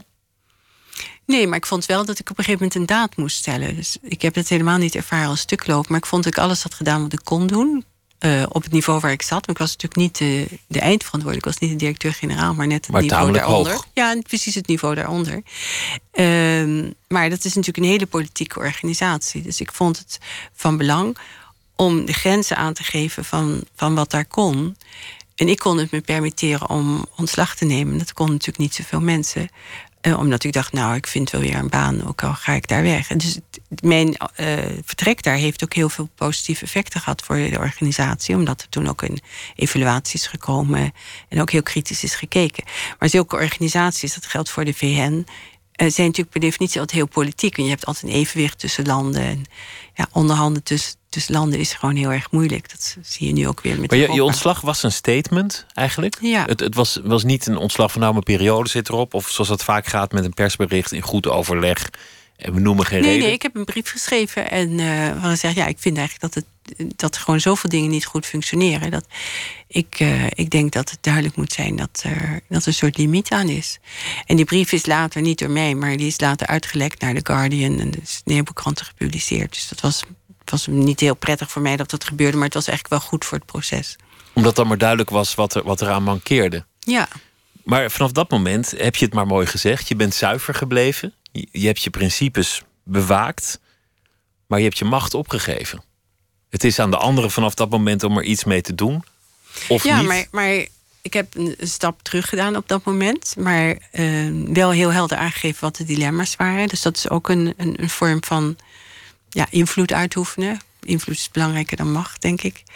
En eh, ik ben nu ook weer heel erg betrokken bij de Verenigde Naties en, en ook de FAO. Dus in die zin ehm, is het eh, juist het afstand durven nemen van een positie ook een hele sterke positie om weer terug te komen om wel invloed uit te oefenen.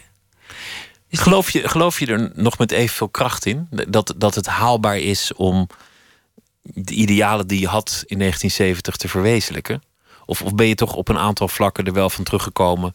Misschien teruggekomen op, gedachten? Nee, alleen je weet veel meer, of ik weet veel meer. Ehm, dus ik ben minder naïef. Maar ik ben absoluut niet cynisch geworden. Ik, ik denk eh, dat het heel goed mogelijk is om de wereld te voeden op een hele goede manier. Ook op een duurzame manier. Op een manier die recht doet aan, aan arbeidsomstandigheden, aan dieren, aan mensen.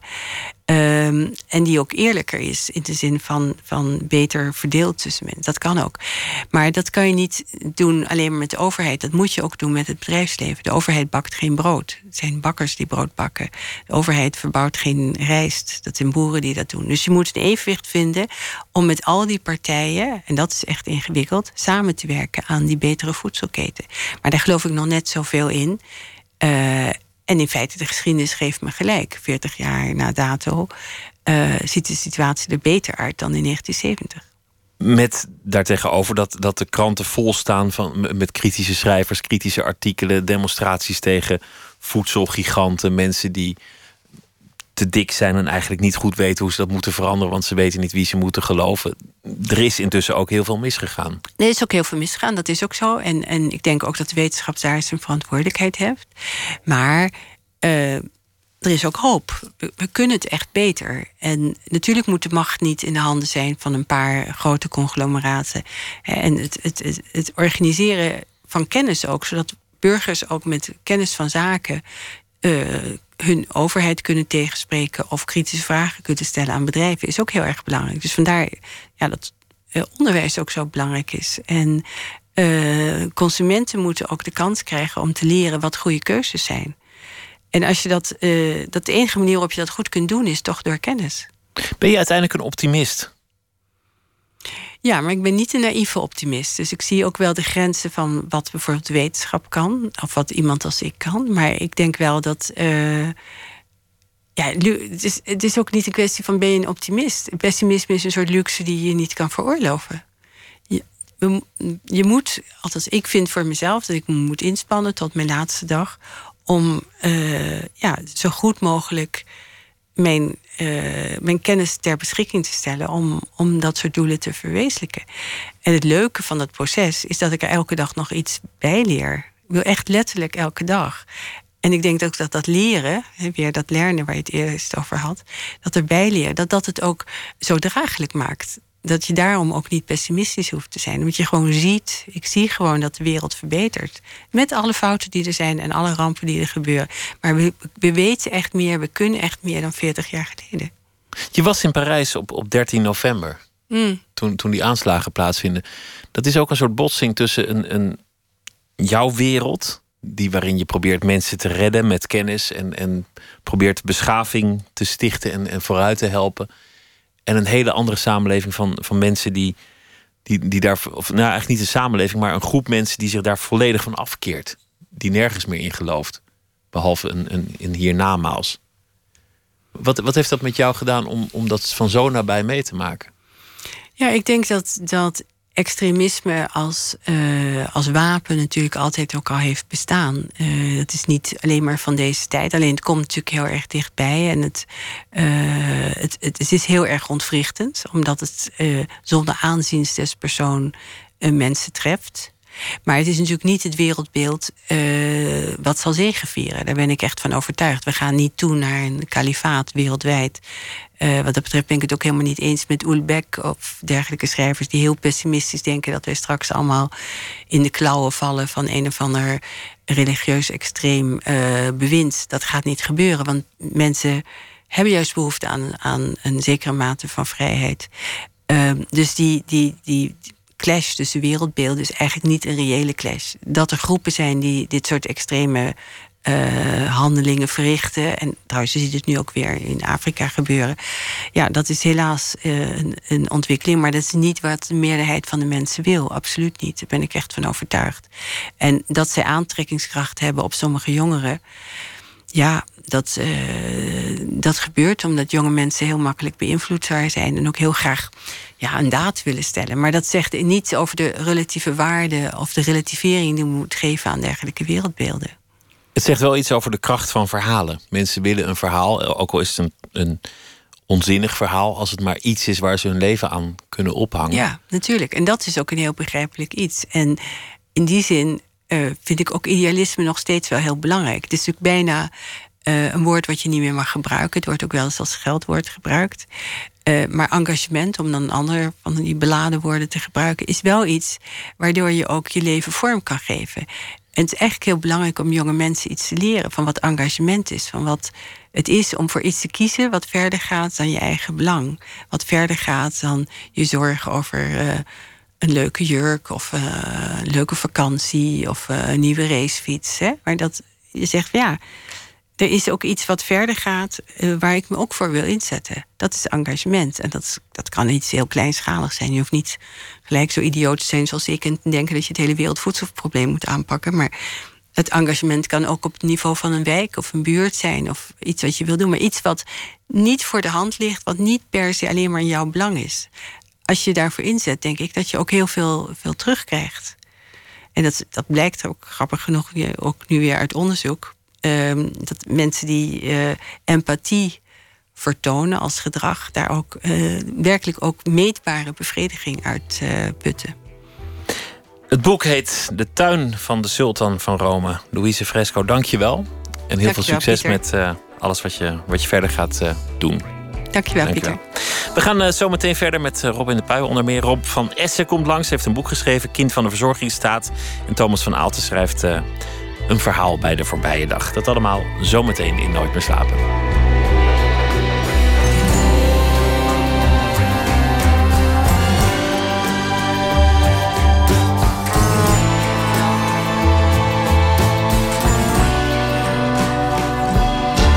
Op Radio 1, het nieuws van alle kanten.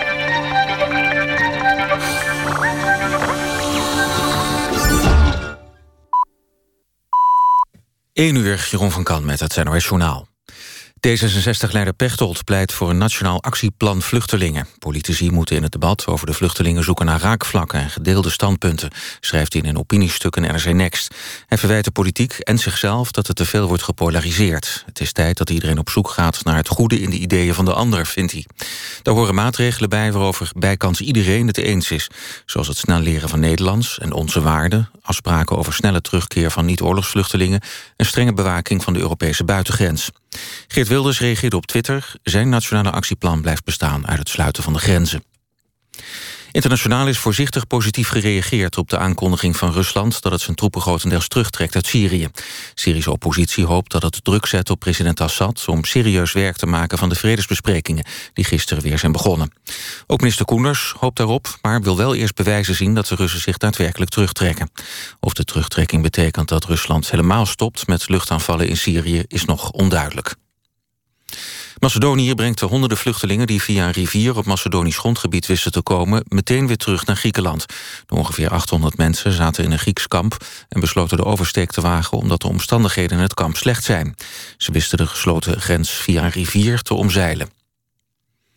Bijna 300 grote beleggers willen Volkswagen voor de rechter slepen. Ze eisen 3,2 miljard euro van de Duitse autobouwer... als compensatie voor de forse koersverliezen de afgelopen maanden... nadat het schandaal met schummeldiesels naar buiten kwam. Onder de schuldeisers zijn Duitse verzekeraars en een Amerikaans pensioenfonds. Het bedrijf is door het schandaal miljarden minder waard geworden op de beurs. Het weer. Lokaal kan mist ontstaan vannacht. De temperatuur zakt naar 3 graden aan zee... tot iets onder het vriespunt in het zuidoosten. Morgen begint de dag op veel plaatsen grijs. Later zijn er opklaringen en dan wordt het een graad of 9. Dit was het NOS Journaal. NPO Radio 1. VPRO. Nooit meer slapen.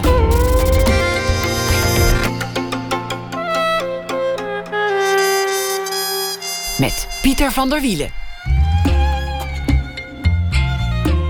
Straks een gesprek met Robin de Puy, veelgevraagd portretfotograaf. Zij heeft een tentoonstelling in het Fotomuseum in Den Haag over haar reis op de motorfiets door de Verenigde Staten. Rob van Essen die, uh, komt langs naar aanleiding van Kind van de Verzorgingsstaat, een boek over opgroeien in de jaren 60 en 70 en volwassen worden in de jaren 80. Thomas van Aalten zal deze week elke nacht een verhaal voordragen. Debuteerde in 2000 met de roman Sneeuwbeeld. Andere romans waren De Schuldigen, Leeuwenstrijd en meest recent Henry. Een roman over de gloriedagen van het Nederlandse tijdschrift. Thomas, goeienacht. Goedenacht. Zo, vertel eens uh, over de voorbije dag. Nou, um, het, is, uh, het is Boekenweek. En uh, op zich is dat nieuws dat altijd terugkeert. Maar um, ja, ik vond het, uh, ik, het, was een feit waar we natuurlijk wel stil bij moesten staan. Al was het wel lastig om daar zomaar, uh, zomaar even een, een, een, verhaaltje aan te, aan te wijden. Omdat er ook zoveel meer uh, vandaag is gebeurd. En dan moest ik toch vooral denken aan de aanslagen in Turkije vandaag.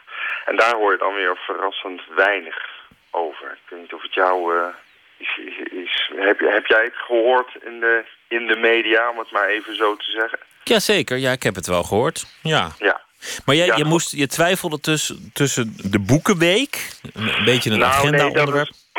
precies, dat weet je daar, eh, als, als ik denk aan de, aan de dag van vandaag en aan de, een week die komen gaat, van oh ja, het is weer boekenweek. Maar, ehm, en vreemd genoeg zie ik dat heel veel voorbij komen op de, op de sociale eh, media, nog wel wat ander nieuws. Maar die aanslag in, eh, in Turkije, in, in Ankara, is vreemd genoeg dan toch een soort, uh, soort blinde vlek. Je ziet het wel voorbij komen, je hoort ervan, maar het is niet dat het de hele dag hashtags regent, zullen we maar zeggen. En dat is gek, want tenminste, ik ik vind dat vrij gek.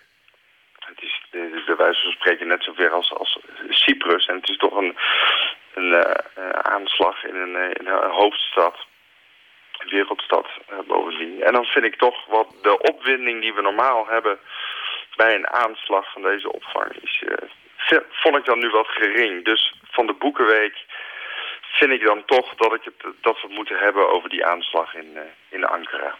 En Goed. daar heb ik ook mijn, mijn verhaaltje over geschreven. Ga je gang. Meenemen. Zomaar een rijtje winkels in de plint van een galerijflat ergens in Nederland. Op een maandagavond is het rustig bij snackbar Steakhouse Ankara. Eigenaar Serkan staat achter zijn toonbank onder het fletse TL-licht dat aan het systeemplafond zoomt. De laatste klant was een man met een paars gezicht. Hij vroeg of Serkan sigaretten verkocht. Die verkocht Serkan inderdaad, maar geen Camel. De man met het paarse gezicht verliet daarna mopperend de zaak. In de hoek hangt een tv die beelden uitzendt van een Turkse nieuwszender. Zonder geluid weliswaar. Al de hele dag probeert Serkan zijn tante in moederland Turkije te bellen, maar zijn tante neemt niet op. Soms valt zelfs de verbinding weg. Tante heeft een prepaid telefoon bij een onbetrouwbare provider in Turkije, maar toch vertrouwt Serkan het niet. Het belletje van de snackbardeur rinkelt. Een man met blonde stekels en een rond gezicht vraagt of Serkan nog open is. Ik ben open, zegt Serkan zachtjes terwijl hij over de schouder van de man met stekels naar de beelden kijkt. Zijn klant bekijkt de prijslijst met snacks. Doe maar een patatje oorlog. Een patatje oorlog, herhaalt Serkan op zachte toon en knikt. Hierop eten of meenemen. Van denkt na, kijkt de zaken rond, vangt de randbeelden op van de tv in de verte. Meenemen. Serkan werpt een hand patat in de nog hete olie. Want Serkan is nog open.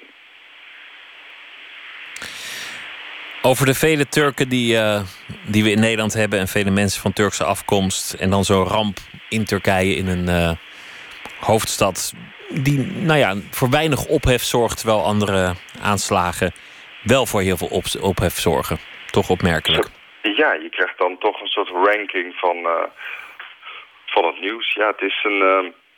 Uh, dit is natuurlijk ook wel een cliché. Hè? Je ziet ook wel wat uh, verontwaardiging van waarom besteden we hier geen aandacht aan. Maar toch is het, toch is het wrang. En in die wrangheid wilde ik in dit geval genade hebben voor, voor Serkan. Dat we aan, aan hem en de zijne denken en aan al die anderen. Juist. Thomas van Aalten, dank je wel okay. voor je verhaal over de, de aanslagen van vandaag. En uh, ik wens je een goede nacht en tot morgen. Jeff Buckley debuteerde in 1994 met zijn album Grace. Hij was meteen een hele grote ster. Hij overleed vrij kort erop in 1997 na een mislukt zwempartijtje. Daarna zijn nog een aantal albums uitgekomen met restjes, kliekjes, demo's, onuitgebrachte concerten, dat soort dingen. En uh, nu is er ook weer een uh, nieuw album, You and I, van Jeff Buckley. Met daarop Don't Let the Sun Catch You Crying. When the moon goes down in the dawning And the sun comes up in the morning Don't let the sun catch you crying, cause daddy don't want you no more. Don't let the sun catch you crying, crying at my front door. There, you done daddy dirty. He sure don't want you no more.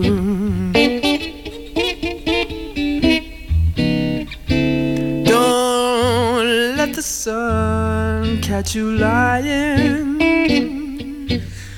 lying at my front door. Yeah, daddy's done turned salty. Baby, you've made him so. Mhm. You can cry, cry, cry. Yes, baby, you can wail. Beat your head on the pavement till the man comes and throws you in jail. But don't let the sun catch you crying, crying at my front door. You done daddy dirty. He sure don't want you no more.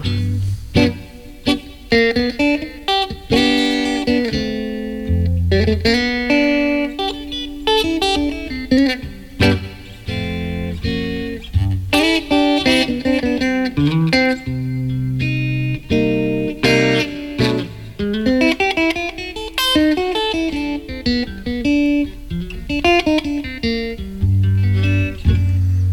can cry, cry, cry, cry, cry. Yes, baby, you can wail. Beat your head on the pavement till the man comes and throws you in jail.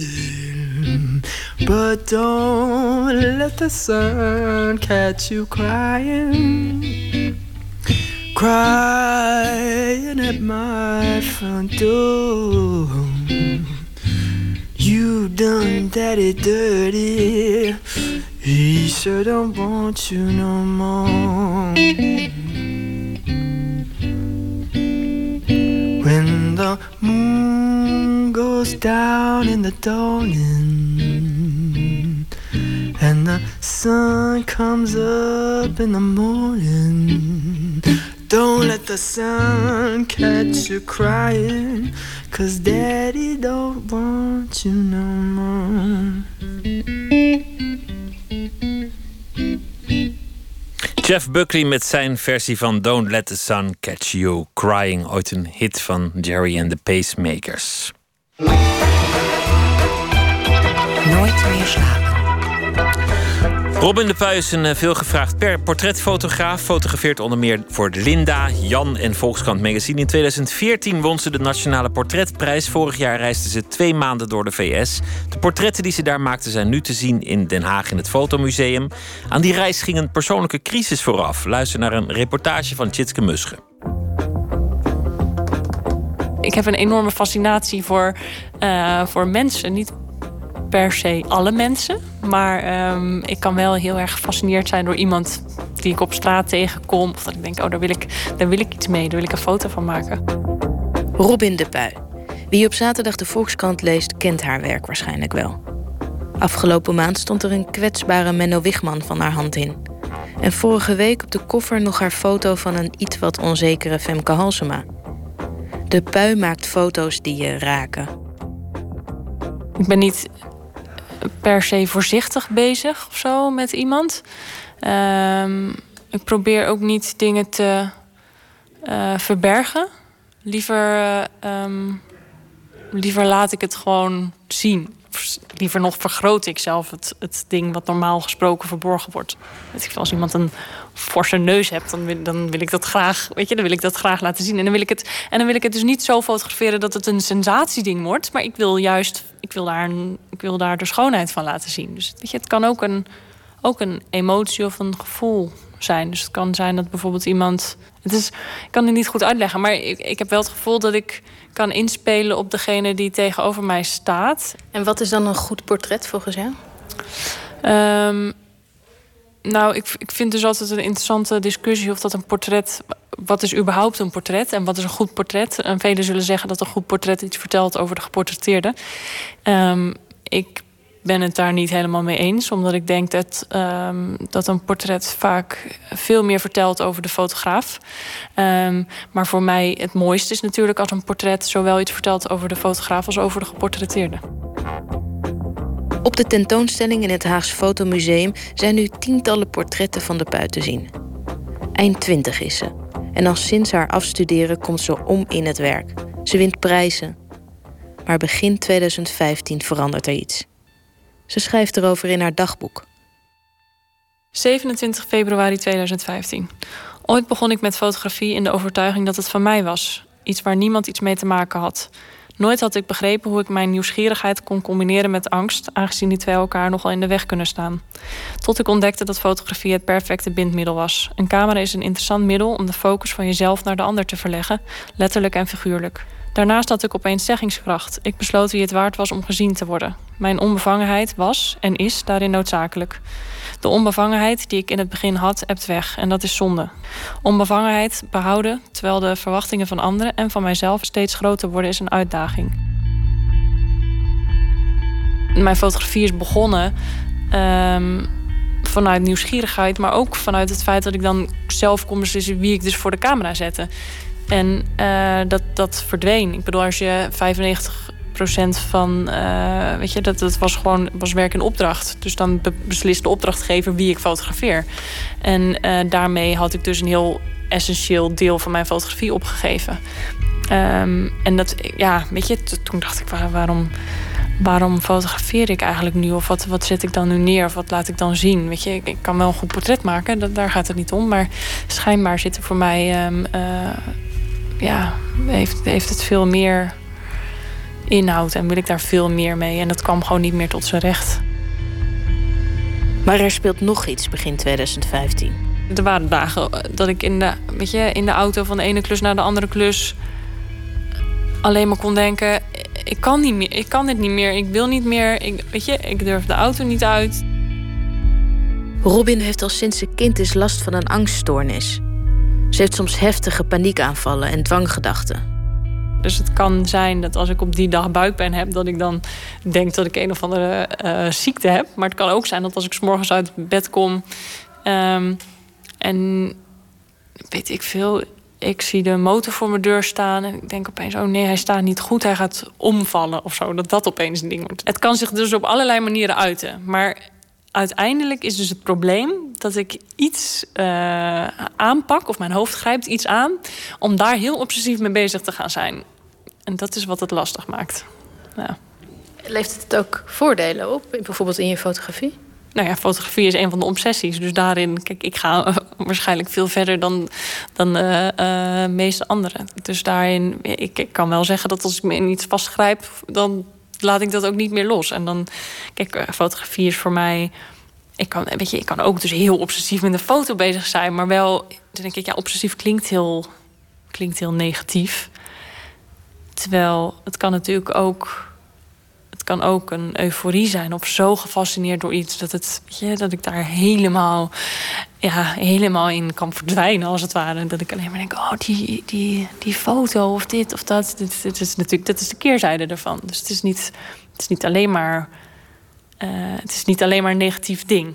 Ze ontdekt op jonge leeftijd dat fotograferen een manier is om de nieuwsgierigheid die ze ook heeft, een kans te geven en zich niet te laten leiden door haar angsten.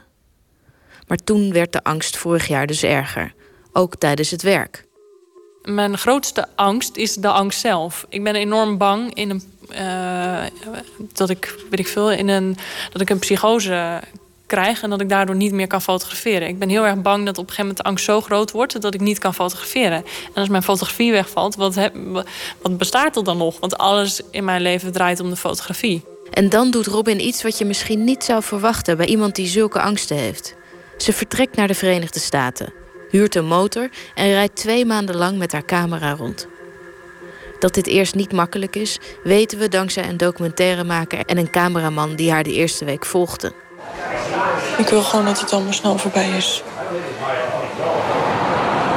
En ik weet dat de hele reis belangrijk is en dat ik ervan moet genieten. Maar dat ik het nog minimaal zeven weken moet gaan doen. Misschien moet ik gewoon een serie met 100 zelfportretten maken. En dan hoef ik mijn hotelkamer niet uit. Dat zou natuurlijk nog kunnen. Ik wil dat het zo snel mogelijk voorbij is zonder dat, uh, zonder dat ik er al te veel van hoef te merken of zo.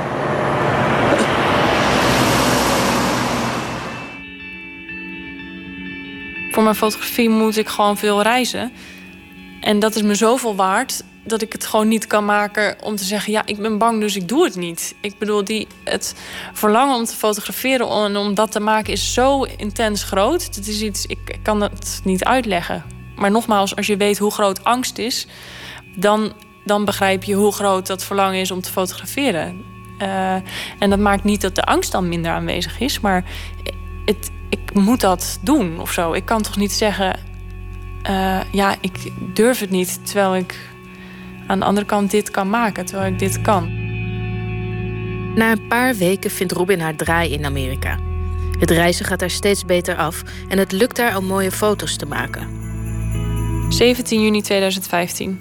Ik zag een stukje van de documentaire over Nina Simone. Daarin wordt haar gevraagd: wat is vrijheid? Vrijheid is geen angst te voelen, antwoordde ze. Tijdens deze reis waren er enkele momenten waarin ik me vrij van angsten voelde. Dat besef is me veel waard. We bekijken de foto's uit Amerika die binnenkort in Den Haag te zien zijn. Foto's van gewone mensen op straat, in trailers en in cafés. Ook bij deze man. ik kan heel erg blij worden van dat je dus dan, weet je, dat je dus alles ziet. Je ziet zo. Ja, want eerst even wat zien we hier? Ook een oudere man met, met plukkerig haar. Weer geen tanden of weinig tanden. Geen tanden in dit geval. Uh, hij lacht, hij heeft zijn hand bij zijn oor. Het is alsof hij zegt van, wat, wat, uh, wat zeg je of zo. Um, maar ja, ik vind het... Ik, al die details, ik kan er echt heel blij van worden. Dat je dus inderdaad in zijn mond kijkt, maar dat je dan nog bijna zo... Dat je, je, het, je kan het speeksel in zijn mond zien. Maar het is niet smerig, helemaal niet. Het is een man, ja, als ik dit zie, dan uh, denk ik, wat, ja, vind ik heel lief. Het is voor mij een hele lieve man. Uh, als ik hem zie, ik krijg er ook helemaal zo'n warm. Dan denk ik, ah, oh, die man, weet je, het was zo'n lieve man. Dit is hoe hij ook op mij overkwam. Het was, ik was bijna niet te verstaan. Ik kon heel moeilijk praten. Maar het was, we hadden dus ook niet, uh, wij communiceerden ook niet per se met woorden of zo. Maar het was daar wel. Het was heel, ook weer voor die man, voor die man een heel bijzonder moment. En ja. Maar is het dan anders als je zo iemand fotografeert of iemand als Mark Rutte? Uh, ja, want dan is de uitdaging anders. Althans, bij, bij, bij uh, Rutte, die wordt zo vaak gefotografeerd... die zit echt niet te wachten op een moment met mij. Daar, gaat, er is, dat hele, is het moment veel minder van waarde. Bij Rutte um, is mijn uitdaging om een beeld van hem te maken... wat we uh, hopelijk niet te vaak of misschien zo niet eerder van hem zagen. Dus om dat, om dat standaardbeeld te doorbreken en iets uh, iets te vinden in het beeld uh, wat het opnieuw weer interessant maakt. Dus iemand die we al honderden of duizenden keren zagen, om daar dan toch nog een interessant beeld van te maken. Deze man uh, wordt door niemand gezien. en die twee, dus de, degene die veel gezien worden en degene die niet gezien worden, wil ik op één lijn zetten. De agenda van Robin is alweer bomvol. Fotoshoot hier, fotoshoot daar. En de tentoonstelling natuurlijk. Als ik haar vraag of ze het nu minder druk heeft en meer ruimte creëert voor vrij werk, antwoordt ze. Um, ja, maar ik denk toch nog steeds dat dat wel echt zit in. Um, ik, ik, moet dan gewoon wel echt weg. Uh, maar dat idee dat ik dat dus kan doen, vind ik wel echt al heel fijn. Dat ik denk, oh, ik kan dus gewoon, ik kan dit en ik kan dit gewoon nog heel vaak doen. Ik kan nog heel vaak gewoon op de motor stappen en weggaan en denken, doei, ik ga even, ik ga even lekker mijn beelden schieten.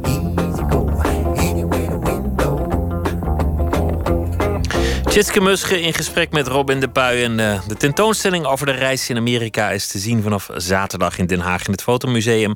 De documentaire die over haar werd gemaakt door Simone de Vries wordt zondag uitgezonden door de Afro Tros op NPO 2. De Nederlandse Dinera Scheffers maakt muziek onder de naam Aapnoot Mies. Meestal is dat Engelstalig, maar ineens werd het ook weer gewoon Nederlandstalig. We gaan luisteren naar Kies de Belevenis.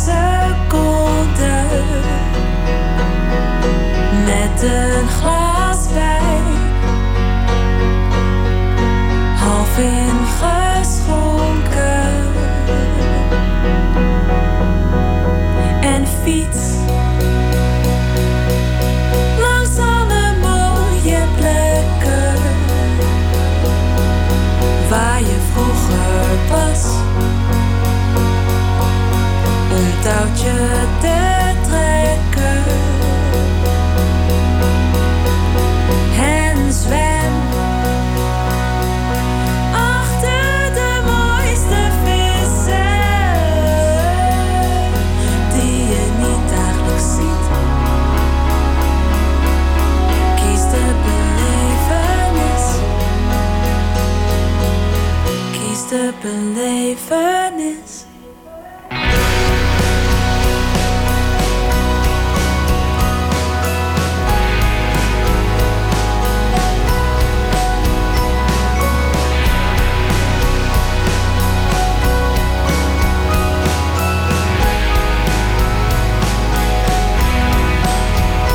verlies. Alle wanneer je lacht. Om de konijnen oren en spring.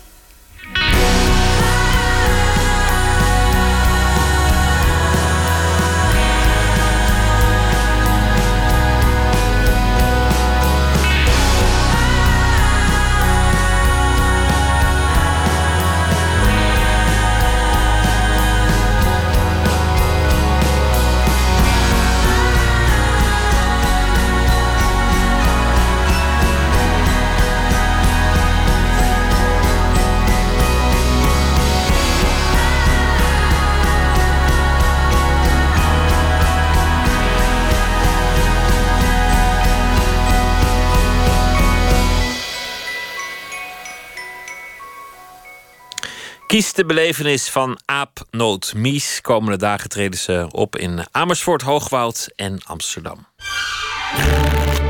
Open kaart.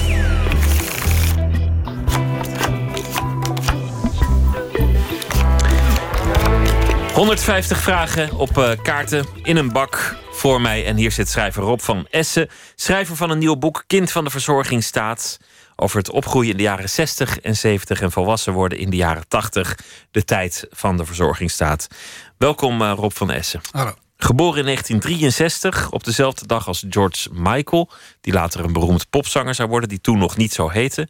Hij was eh, Grieks van afkomst. De dag ook dat John F. Kennedy zei dat hij een Berlijner was. Een half jaar later zou hij vermoord worden. En het jaar waarin de Beatles van zich, eh, lieten horen. Kind van de verzorgingsstaat heet het boek. Laten we beginnen over herinneringen. Want Mhm. het, het leuke aan herinneringen is dat je eigenlijk nooit precies weet of ze nou betrouwbaar zijn. Of, of wat jij je nu ophaalt eigenlijk wel klopt. Ben je daar tegen aangelopen? Vandaag nog, eh, een vriend van mij had het boek gelezen... en ik schrijf ergens dat ik me kan herinneren... dat ik in de jaren 60, toen we nog tv hadden thuis... een filmpje zag van Laura en Hardy... die aan het behangen waren. En hij, is, hij kent alle films van Laura en Hardy... en zegt van, er is geen enkele film... waarin Laura en Hardy aan het behangen zijn. Dus je moet het... Niet, je kan het niet gezien hebben. Je moet het, eh, het moet iets anders zijn. Maar omdat ik me herinner dat zij het waren... zie ik ze echt behangen met hun hoedjes en hun snorretjes en alles. Dus dat is een valse herinnering. Dat kan niet anders. Melancholie is ook iets waar je over schrijft. De, op, op een zeker ogenblik komt het bij je. En het, het is niet heel heftig. Het is niet iets dat je tot tranen roert. Maar het is wel iets dat je uit je slaap haalt. Je, vergelijkt het, en dat vond ik heel mooi, met slappe koffie. Ja, slappe koffie met veel melk. Je kan het de hele dag blijven drinken, maar s'avonds doe je geen oog meer dicht. En zo zit het ook met melancholie. Op, op welke momenten slaat dat toe bij jou, de weemoed? De weemoed slaat toe als ik eh, alleen ben en ik word of met iets met geconfronteerd van iets van vroeger, of met een soort eh wijsheid of ruimte waar ik zelf bijna in verdwijn. Dat kunnen ook landschappen zijn, het kan muziek van vroeger zijn.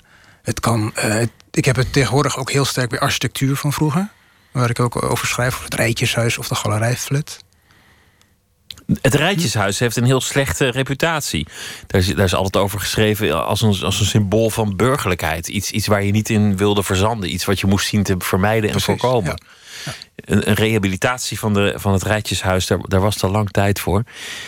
Je schrijft over, over een tijd vol idealisme. Waar, waarin de overheid eigenlijk ook wel vond dat mensen de macht moesten betwijfelen. Om maar wat te noemen. Ja, dat was eigenlijk het mooie van de verzorgingsstaat. Dat het, eh, het ging in eerste plaats om bestaanszekerheid voor iedereen. Eh, en dan als recht, niet als gunst. Maar ook als je ziek was of werkloos of te oud om te werken... dat je dan wel een gegarandeerd inkomen had. Maar er zat ook iets opvoedkundigs bij. Mensen moesten geconfronteerd worden met goede architectuur... en met ruimte en licht om zich heen. Maar ze moesten zich ook eigenlijk scholen. En ze moesten ook bepaald soort meubels in hun huizen zetten. Daar had je zelfs goed wonen, een apart tijdschrift voor. En je, je, er zat inderdaad een, een, een hele educatieve component in. Je moest je ontwikkelen. En het culmineerde toen de mammoetwet, de onderwijswet... in eind jaren 60 werd aangenomen. Dat een vak werd ingevoerd, maatschappijleer... waar expliciet werd vermeld in de, in de grondbeginselen... dat de leerlingen moesten worden opgevoed tot kritische burgers. Burgers die de staat bevraagden. En ze dus niet zomaar neerlegden bij de vorm van gezag. Dus dat is eigenlijk, ja, dat bedoel, je kan misschien. Hoe mooi is het, hè? Gezagsdragers die vinden dat het publiek ze moet on- onder vuur moet nemen, in, in zekere zin, intellectueel Precies, dan ben je dus heel zeker van je zaak. Of juist niet. Dat is het mooie. Je weet niet wat. Je, is het de staatsvorm die zich een beetje schuldig voelt en denkt van ja, we moeten mensen kritisch naar onszelf leren kijken. Of wij zijn zo zeker van onze zaken, we zijn zo gevestigd. Wij kunnen die kritiek wel hebben. In die grote tijd van ontkerkelijking, van vooruitgangsoptimisme, van, van bevrijding en emancipatie, maakten jouw ouders een omgekeerde beweging. Ze, ze vielen eerst een klein beetje van hun geloof, maar ze renden toch weer terug die kerk in. Ja, ze zijn eh, eind jaren 40 getrouwd en toen eh, vielen ze van hun geloof. Toen ze eenmaal een eh, gezin hadden gesticht, vier kinderen hadden, gingen ze 67, 1967 terug naar de Zwarte Kousenkerk van hun jeugd. Dat was natuurlijk diametraal tegengesteld aan de tijdgeest was. De tijdgeest van bevrijding en ontkerkelijking. Gingen zij terug naar, die, naar de wereld van hun jeugd. En dat was natuurlijk een hele rare overgang voor de, vooral voor hun kinderen. Die zoiets nog nooit hadden meegemaakt natuurlijk. En die later weer een heel ander pad gingen. Want, want je was een, ik ga er in, in, in reuze stappen doorheen, door, door het boek. Je was een drop-out op school. En, en zoals heel veel mensen werd je links in de, in de jaren 70 en 80. Ja, en leefde dus ook van de bijstand. Dit kan ik mezelf wel een beetje herinneren. Dat er mensen waren in het café die, die daar een soort van superieur over deden. Die werken een vorm van verraad vonden. En een uitkering de norm. Ja, werken was eigenlijk aanpassen aan de vijand, die op maatschappijleer had leren bevragen tenslotte. En eh, ja, daar deed je niet aan mee. Dat was meer voor, eh, voor de burgerlijkheid of voor, de, voor het klootjesvolk. En de uitkering, dan, kon je jezelf ontplooien. Je kon, eh, je, je kon je kunstenaarskant kon je, kon je ontplooien. Het was een soort, een soort alternatief. En het werd natuurlijk helemaal gefinancierd en aangeboden door de overheid in feite. En dat was natuurlijk het zwakke punt. En dat werd dan een beetje verdoezeld. Je was maatschappij kritisch terwijl je onderhouden werd door de maatschappij. Ja, je, je liet je voeden door de vijand, maar dat was dan een daad van verzet. Dat is natuurlijk altijd moeilijk Eigenlijk te wel, ja, ja. Je kon eh, anarchistisch zijn en eh, elke maand je cheque van de sociale dienst eh, in ontvangst nemen. Ja. Het boek is een geschiedenis van Nederland. Het is een persoonlijke geschiedenis. Het is, het is een verhaal over de, een vervlogen ideaal, namelijk dat van de verzorgingsstaat. En toen, toen zat ik te tobbelen, hoe, hoe moet je dit nou noemen? En toen las ik dat Peter Middendorp het tijdens de boekpresentatie een coming of middle age novel noemde. Ja. Dat vond ik, vond ik eigenlijk wel mooi, mooi omschreven. Ja, dat, dat, dat klopt wel. Want het is natuurlijk niet voor niks dat ik ben nu 52. En dat is ook de leeftijd waarop je terug gaat kijken. En ontdekt, dat vind ik ook een van de leukere dingen van het ouder worden. Je ontdekt dat je onderdeel bent, een heel klein onderdeel van een geschiedenis. De wereld zoals je die aantreft als je geboren wordt, lijkt een vaststaand gegeven. Hoe ouder je wordt, hoe- meer je merkt dat die wereld ook een, vluchtig iets is zoals elke wereld is geweest. En elke stroming en elke, elk politiek systeem. En eh, ook die mensen die nu het Rijtjeshuis hebben gerehabiliteerd, zijn mensen van mijn generatie die daar boeken over schrijven. En uit een soort nostalgie, maar ook waardering terugkijken. Die er zelf in zijn opgegroeid en Die denken, er- nou, ja. zo kwaad was het allemaal niet. Precies, ja. ja. Dus het is die middle age, het is, ja, je moet oud genoeg zijn om terug te kijken. Wil je iets hebben om op terug te kijken? Het is ook een komisch boek. Dat is denk ik ook belangrijk. Het is, het is niet alleen maar melancholie en, eh, en standpunt over de geschiedenis. Het, het is een, een grappig boek. Wat ook past bij Mhm. jouw, jouw voorbeelden, jouw helden. En, en dat waren dan mensen als eh, Carmichelt, Neschio. eh, misschien Toon er ook wel een beetje. Ja. Zullen we beginnen met de kaarten? Ja. Trek een kaart als je Ik wilt. trek een kaart. Ben je bang om oud te worden? Nou, dat sluit goed aan op, eh, op het ja, thema. Ja, ja. eh, nee, tot nu toe niet. Eh, zoals ik al zei, het, ik, ik vind het ja, een interessant proces. Dat is iets te afstandelijk natuurlijk. Maar ik, ik, nee, ik ben niet bang om oud te worden. Maar ik ben nu nog maar 52. Ik kan natuurlijk als ik eenmaal 62 ben of 72... dat het, dat het dan al een beetje angstiger gaat worden. Maar ik ben het voorlopig niet. Maar de tijd gaat steeds sneller. Je, je schrijft Zeker. dat ook in je boek. De, de tijd tussen twee WK's, dat is dan iets waar je het aan merkt, is steeds korter. Ja. Gaat, het, het vliegt voorbij op een zeker ogenblik. Ja, ja dat, dat, is, dat is ook raar om te merken. Dat eh, mijn ouders verhuisden ook bijvoorbeeld elke drie, vier jaar uit een soort onrust. Daar, moet ik, daar zou ik nu niet aan moeten denken. Als kind zijn die drie, vier jaar best lang eigenlijk. Net zoals die vier jaar tussen het wereldkampioenschap 74 in Duitsland en 78 in Argentinië. Ja, dat was een hele lange periode. Tussen 10 en 14 globaal voor, voor jou. Ja, ja. eh, qua, qua Ja, leeftijd. Precies. Je woont nu al zo'n 16 jaar op hetzelfde adres. Ja. Mijn ouders zouden dan weer vier jaar verhuisd zijn. Ja, dus dat vind ik nu als volwassene vind ik dat een echt een absurde gedachte. Maar voor je het weet woon je er 26 jaar. Of, of, of 36. Ja, maar dat is geen vooruitzicht wat mij angst aanjaagt. Dat is het antwoord op de vraag. Neem nog een kaart. Wat is je mooiste tekortkoming? Wat is mijn mooiste tekortkoming? Hmm, die vind ik moeilijk. Ik heb tekortkomingen. Of ze mooi zijn, weet ik niet. Het zijn gewoon lelijke tekortkomingen. Ja, anders is het ook Ja, geen anders is het geen tekortkoming. tekortkoming. Ik bedoel, je, Ja. kan, je kan natuurlijk een tekortkoming hebben die, eh, die door anderen charmant gevonden zou worden of zo. Maar dat zou heel koket zijn om dat zelf meteen te weten, denk ik. Ik denk, mijn, ernst, mijn ernstigste tekortkoming is dat ik te haastig, te gehaast ben. En ehm, mijn mooiste tekortkoming zou dan zijn dat ik. Ja, nee, er schiet me echt niks te binnen wat een mooie tekortkoming zou zijn. Tekortkomingen zijn gewoon tekortkomingen. Ja, Neem er nog ja. één. Wie zou je het liefst ontlopen? Wie zou ik het liefst ontlopen? Ehm, de dood, zou ik bijna zeggen. Dat zou je als, vroeger Ja. werd het als een persoon, eh, de, de man met de zeis. De man met de zeis, die zou ik, die zou ik het liefst De ontlopen. Grim In- Reaper. In al zijn verschijningsvormen, ja. Je bent niet bang om oud te worden, maar de dood zou je willen ontlopen. Ja, ja, want ik vind het leven ook wel leuk. Eigenlijk. En ik heb het in de loop der jaren ben ik het eigenlijk steeds leuker gaan vinden. Maar die horen toch een beetje bij elkaar? Oud worden leidt tot de dood. Je bent dichter bij een natuurlijke dood. Ja, een natuurlijke dood, het woord zegt het al. Op een gegeven moment is het afgelopen. Maar daarvoor vind ik het nou nog te vroeg. Om daar al bang voor te zijn. Ja. Trek nog een kaart. Welk bedrog is je sterk bijgebleven? Ben je wel eens bedrogen? Ben ik wel eens bedrogen? Nee, niet op zo'n eh, schaal dat ik me dat meteen eh, herinner. Niet in de liefde, voor zover ik weet. Ook niet ehm, als schrijver. Maar je hebt toch wel eens, je hebt toch wel eens ge- gepraat met een man met een lelijke stropdas en, en thuisgekomen met een woekerpolis of zoiets. Of een verzekering die je niet nodig had. Iedereen wordt belazerd. Dat is de basis nou, van ik- het hele systeem. Ja, maar ik heb mij, eh, nou, ik heb mij nooit laten blazen op financieel gebied. Ben ook een ZZP'er zonder arbeidsongeschiktheidsverzekering en zonder eh, pensioenverzekering. Terwijl mijn bank op een gegeven moment dacht van die heeft u echt nodig. Ehm, nee, nou ja, welk bedrog? eh, Ja, nou ja, de, de godsdienst waar ik ben opgevoed, waarin ik ben opgevoed. Als je dat als vorm van bedrog beschouwt, dat is mij wel heel sterk bijgebleven. En dat, is, dat heeft mij ook een mentaliteit bijgebracht waar ik de rest van mijn goddeloze leven nog steeds mee word geconfronteerd. Het is interessant of je dat bedrog moet noemen, omdat de mensen die het jou al bijbrengen er zelf heel sterk in geloven. Denk ik, althans. Ga, ik, ga ik dan nog vanuit? Ja, die hebben mij dan niet. Het is niet zoals het geloof van Sinterklaas dat je kinderen bijbrengt terwijl je zelf beter weet. Nee, het Nee. Is, maar juist omdat mijn ouders natuurlijk ook een, bijna twintig jaar van God los zijn geweest, letterlijk. Kun je zeggen dat ze door hun eigen midlife crisis weer terug zijn gegaan naar de kerk. En dan wordt het natuurlijk. Dan kan je afvragen, ja, waarom hebben ze hun kinderen zo opgevoed op de manier waarop ze zelf groot zijn geworden? Terwijl ze zelf in hun volwassen leven daar afscheid van hebben genomen en op een gegeven moment beter wisten.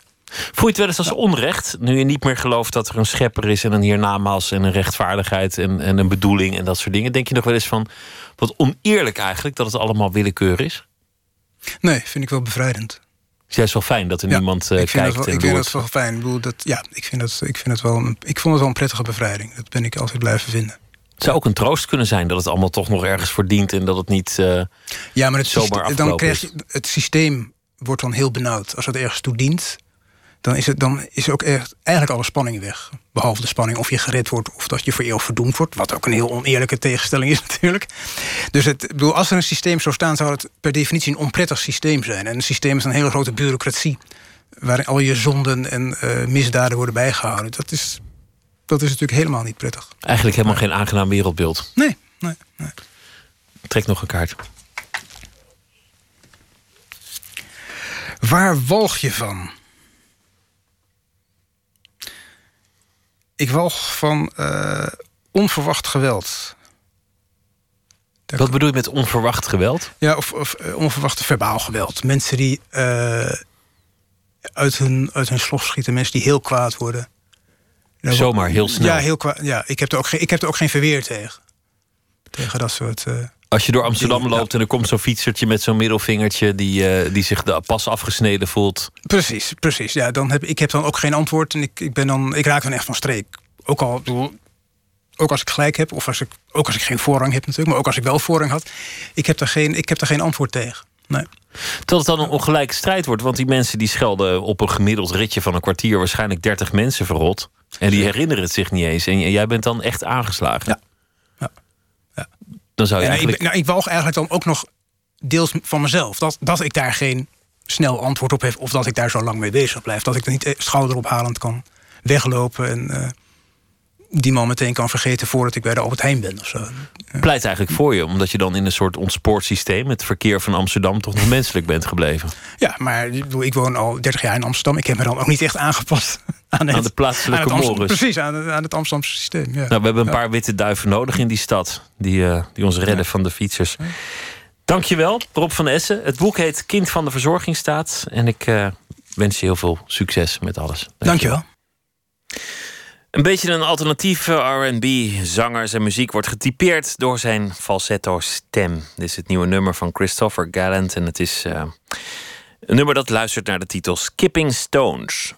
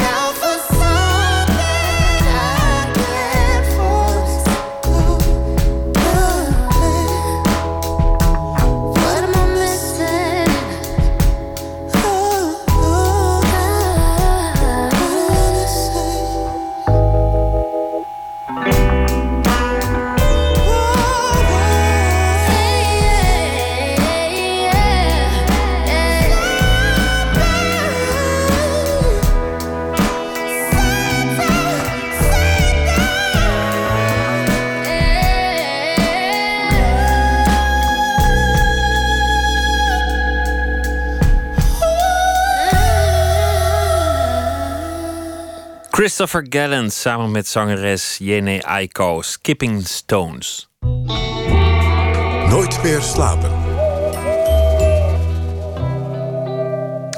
Vanavond in Paradiso te Amsterdam werd een nieuw boek gepresenteerd. Roofstaat is de titel. Het is niet echt een nieuw boek. Het is een uh, geüpdate versie van het levenswerk van auteur en fotograaf Ewald van Vught. Een boek over het koloniale verleden van Nederland, een zwart verleden. Opvallend is dat het boek is uitgegeven door een platenmaatschappij. Top Notch. Botte Jellema de nachtcorrespondent. Ja, Top Notch inderdaad. Een Nederlands label dat uh, nou ja, veel, van veel genres inmiddels muziek uitbrengt. Maar vooral bekend is van de nederhop. En de man achter dit label is Kees de Koning. En die is de motor hierachter geweest. Achter het uitgeven van dit boek. Uh, hij heeft uh, rappers als Typhoon, Fresco, Aquasi en Jiggy G in zijn stal. En voor deze mensen is de slavernij maar één of twee oma's geleden. Zoals Ewald in Vrij Nederland zei afgelopen week. Straks meer over hem, maar uh, eerst even wat er vanavond in Paradiso gebeurde. Dat was debat, verhalen, optredens. En bijvoorbeeld een optreden van spoken word artiest Juan Carlos Guillo. Keep on the strong beat Ja, en later vanavond waren er ook nog optredens van uh, zanger, zanger en rapper Glenn Faria, Jeffrey Spalberg en Typhoon. Roofstaat, een boek over een uh, zwarte bladzij in de Nederlandse geschiedenis. Of de schaduwzijde van onze geschiedenis. Ja. Een onderwerp waar Ewald van Vught al meer dan 30 jaar zich mee bezighoudt. Ja, dit boek is ook een beetje de weerslag van die 30 jaar werk. Uh, de goede man is 74 inmiddels. Bijna 900 pagina's beslaat dit boek, waarvan meer dan 100 het notenapparaat vormen. Dus hè, de verantwoording. Uh, uitgeverij Neiging van dit, maar die is erbij betrokken. Maar er staat toch echt top-notch als uitgever op de voorkant. Ik vroeg Ewald van Vught wat hij daarvan vindt. Ik vind het geweldig. Ik vind het ook hartstikke leuk. Die mensen als, uh, als Aquasi en Jiggy J en uh, Typhoon... dat zij in deze geschiedenis geïnteresseerd zijn. En niet alleen geïnteresseerd, dat ze het van harte ondersteunen. Ja. Zou u één verhaal uit kunnen halen waarvan u zegt... van dat, dat is echt onbekend en het is zo belangrijk... dat de Nederlander dat weet over de geschiedenis van zijn eigen land? Wat een, een, een thema, een onderwerp wat door het hele boek speelt, dat is de seksualiteit. Een hele belangrijke reden waarom dat Nederlanders, en niet alleen Nederlanders, maar ook Europeanen, andere Europeanen, over zee gingen. Dat was natuurlijk, uh, van oudsher wordt dat genoemd, uh, dus uh, God en goud. Maar daarbij zijn nu twee andere thema's gekomen. Dat zijn copulatie en concubines. Ja, copulatie, dat is dus seks of de liefdebedrijven. En concu uh, concubinaat, dat is ongetrouwd samenleven. Dat moest ik ook eventjes opzoeken. Maar dat zijn twee uh, ja, toch relatief onbekende motivaties... voor uh, Nederlandse zeevaarders in onze geschiedenis. Ewald van Vrucht heeft heel veel van dit soort verhalen uitgezocht. Verhalen die dus niet of nauwelijks aan bod komen in onze geschiedenisboeken. Kees de Koning is platenbaas. hij gaat nu dit boek ja aan de man brengen. Heeft dat ermee te maken dat het past bij de identiteit van zijn label, bij de rapmuziek, veel uh, gekleurde artiesten? Ja, nou ja, dat zou wel een deel van de verklaring zijn. Uh, hij was er zelf niet, hij was ziek helaas, dus ik kon het hem niet vragen. Maar uh, als je nou gewoon even kijkt naar bijvoorbeeld Typhoon... die heeft Surinaamse roots. Hem kon ik ook even een paar vragen stellen. Ik vroeg hem of hij een taak voor zichzelf zag... om deze verhalen aan zijn publiek mee te geven. Hij zei zelf dat hij vroeger, hij is inmiddels 31, weinig informatie heeft meegekregen bij de geschiedenislessen van die donkere kant van de geschiedenis van Nederland. Ik ben zelf op zoek gegaan, vandaar ook uh, naar Suriname en Lobby de Bassi uh, gevonden. Vandaar dat ik ook van de regen naar de zon heb geschreven voor 200 jaar Koninkrijk. Maar juist met die toon, ik zie de mooiheid van, uh, van, van Nederland. Maar laten we eens voorbij gaan aan het idee van onze tolerantie en aan hoe modern we allemaal zijn. En laten we eens een een blik naar binnen werpen, weet je wel. Om te navigeren en ook weer uh, vanuit visie uh, en kennis te bepalen waar we, waar we naartoe gaan met elkaar. Want ja, tijden veranderen, Nederland verandert. Ik, ik ervaar deze tijden enorm als een schreeuwcultuur. Dat we zo hard aan het schreeuwen zijn. Omdat we eigenlijk een beetje bang zijn voor de stilte in ons. Want daar gaan we ja, ook minder mooie dingen vinden. En ik denk dat het juist tijd is om daar naar terug te gaan. Terug naar de introspectie, terug naar het uh, zelfonderzoek. Mhm. Dit is natuurlijk meteen een gevoelig onderwerp, dat slavernijverleden, van, van twee kanten. Want, want mensen die het vanuit de wetenschap ook maar enigszins relativeren, door bijvoorbeeld te zeggen dat er helemaal niet zoveel geld werd verdiend, wat uit sommige archieven zou blijken. Of mensen die het willen benoemen, die krijgen allemaal meteen die, die schreeuwcultuur waar Typhoon ja. het over had, over zich heen. Ja, ja, precies. Als je dat, dan, als je dat deel dan wil benoemen, dan mag dat dan niet eens uh, niet meer. En dan is dus inderdaad de, de, vraag die dan opgeworpen wordt: van kan je, uh, het is inmiddels lang geleden allemaal, uh, kan je de huidige generatie dat nog verwijten of vergoeden wat er vroeger is gebeurd? Maar Typhoon die zei daarbij: die verhalen uit het verleden die zijn wel degelijk belangrijk. En dat is ook de reden dat hij, uh, om die verhalen opnieuw te vertellen, dat is de reden dat hij vanavond uh, een nieuwe videoclip bij zijn nummer We zijn er presenteerde. Uh, dat is een openingsnummer van zijn plaat Lobby Dabassi uit 2014. En hij noemt het belangrijk dat dit wordt gemaakt. Ik vind dat belangrijke verhalen nieuwe beelden nodig hebben om actueel te blijven. Er zijn een heleboel mensen die er toch vrij weinig van, uh, uh, van af weten. Uh, mensen die hun roots misschien in Suriname of, of eilanden hebben... Uh, waar, waarin de, de slavenhandel en waar de slavernij een grote rol hebben, hebben gespeeld. Maar ik heb het persoonlijk willen houden. Ik denk van, kijk, ik ben hier niet als historicus, ik ben geen historicus... Ik ben geen acteur ik voelde voor mezelf de noodzaak. En ik denk dat dat het startpunt is, weet je wel. En waar dat dan uiteindelijk uh, uh, neerkomt, dat, dat, dat weet je niet. Of het aankomt, dat weet je ook niet. Uh, als de intentie puur en oprecht is, wat het, wat het is, wat het is. Dan hoop ik dat die energie genoeg is om mensen er, ervoor open te stellen. Als ze daar nog niet voor open stonden. Want er zijn gelukkig een hele hoop mensen die wel zich bewust ervan zijn. En het ook een belangrijk onderdeel van onze historie vinden. En daarvoor, daar, daar hoef je niet zwart voor te zijn. De overgrootmoeder van Typhoon is uh, geboren op een ja. slavenplantage. Ja, dat vertelde hij mij. Ja. Het uh, boek van Ewald van Vught heet Roofstaat. Uitgebracht bij Top Notch Label. En uh, het, is, het lijkt me altijd goed om de geschiedenis onder ogen te zien. En, en de geschiedenis zo volledig mogelijk ja. te vertellen. Nou ja, het is een enorm. Het is echt een, een, een baksteen van een boek. Ik heb het in mijn handen gehad. Um, het is ook eigenlijk meer een soort naslagwerk. Dus het is. Ewald die zei ook van ja, van kaft tot kaft lezen. Dat is toch echt een hele opgave. Maar als je zo nu en dan eens eventjes. En, stel je komt een naam tegen straatnaam van een of andere zeeheld. Zoek dan even op wat voor verhaal daar ook bij hoort. Botti Enema, dankjewel. Binnenkort verschijnt het vierde album van Gregory Porter, soul- en jazzzanger. Take Me to the Alley zal de titel zijn en dit nummer heet Don't Lose Your Steam. Sitting on the top of the roof, the bridge is on mine, steam engines roll by, the bridges fall down. and so do my dreams. Boy, you hear me calling your name. The bridge is your time, your engine rolls hot. If the bridges fall down, don't lose your head of steam. Young man,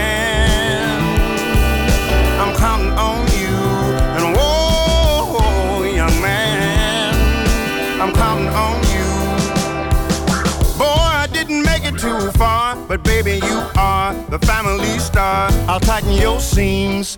Don't lose your head of dreams. Boy, you hear me calling your name. The bridge is your time. Your engine rolls hot. If the bridges fall down, don't lose your head of steam. Young man, I'm counting on you. And whoa, young man, I'm me to the other side. Hey, hey, hey, hey.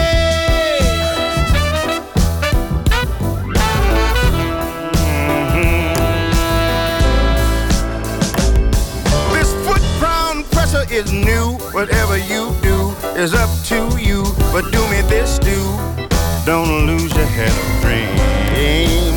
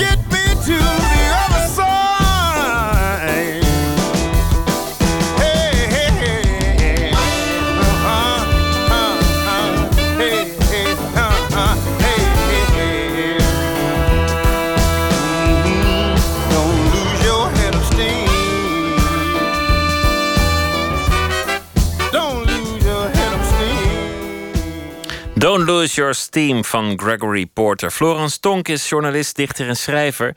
Debuteerde als dichter in 2006 met de bundel Anders komen de wolven.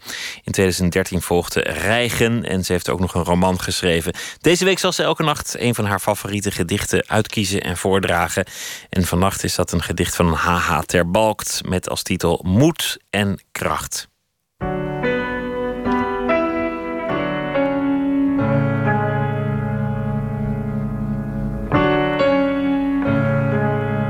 Ik houd zeer van de knoestige gedichten van H.H. Terbalkt. En ik lees al sinds het uitkwam in 2013 met grote regelmaat in zijn fenomenaal verzameld werk met de heerlijke titel Hey, hoor mij ho, simultaan op de brandtorens.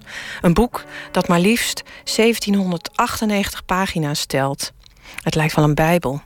Oer-Nederlands vind ik de poëzie van Terbalkt. En daarbij vind ik het fijn dat hij uit het oosten van het land komt, net als veel van mijn familie. Erudiet, historisch, persoonlijk, zingend, verbluffend en van vlees en bloed vind ik de gedichten van Terbalkt. Vanavond lees ik zijn gedicht Moed en Kracht uit de bundel Laaglandse Hymnen. Omdat ik vroeger ook ging zwemmen in een grindafgraving. Omdat ik ieder jaar inniger naar het voorjaar verlang.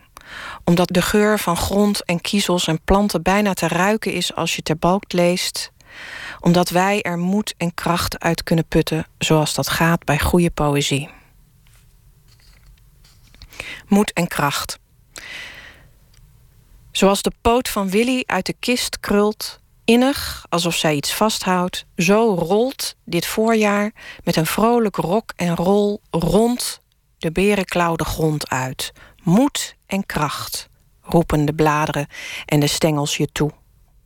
Niets is nu verloren zolang de berenklauw en bladeren nog in iets geloven en seringenbloesem een stil baken is. Laat, hoofden, dan jullie wanhoop varen, de grindafgraving op. Onder de lamp ligt oud koraal uit een koninklijke zee. Dat is toch geen reden om te verzagen? Moed en kracht roepen de kauwen en duiven, en helder klinken de voetstappen op straat. Moed en kracht, een gedicht van H.H. Terbalkt. Vannacht voorgedragen door Florence Tonk, die morgen weer een gedicht zal uitkiezen. Morgen dan komt choreograaf Ed Wubbe langs, directeur van het Scapino Ballet in Rotterdam. En saxofoniste Susanne Alt, want die heeft een nieuw album. En nog heel veel andere dingen. Voor nu een hele goede nacht, morgen een leuke dag. Graag weer tot dan.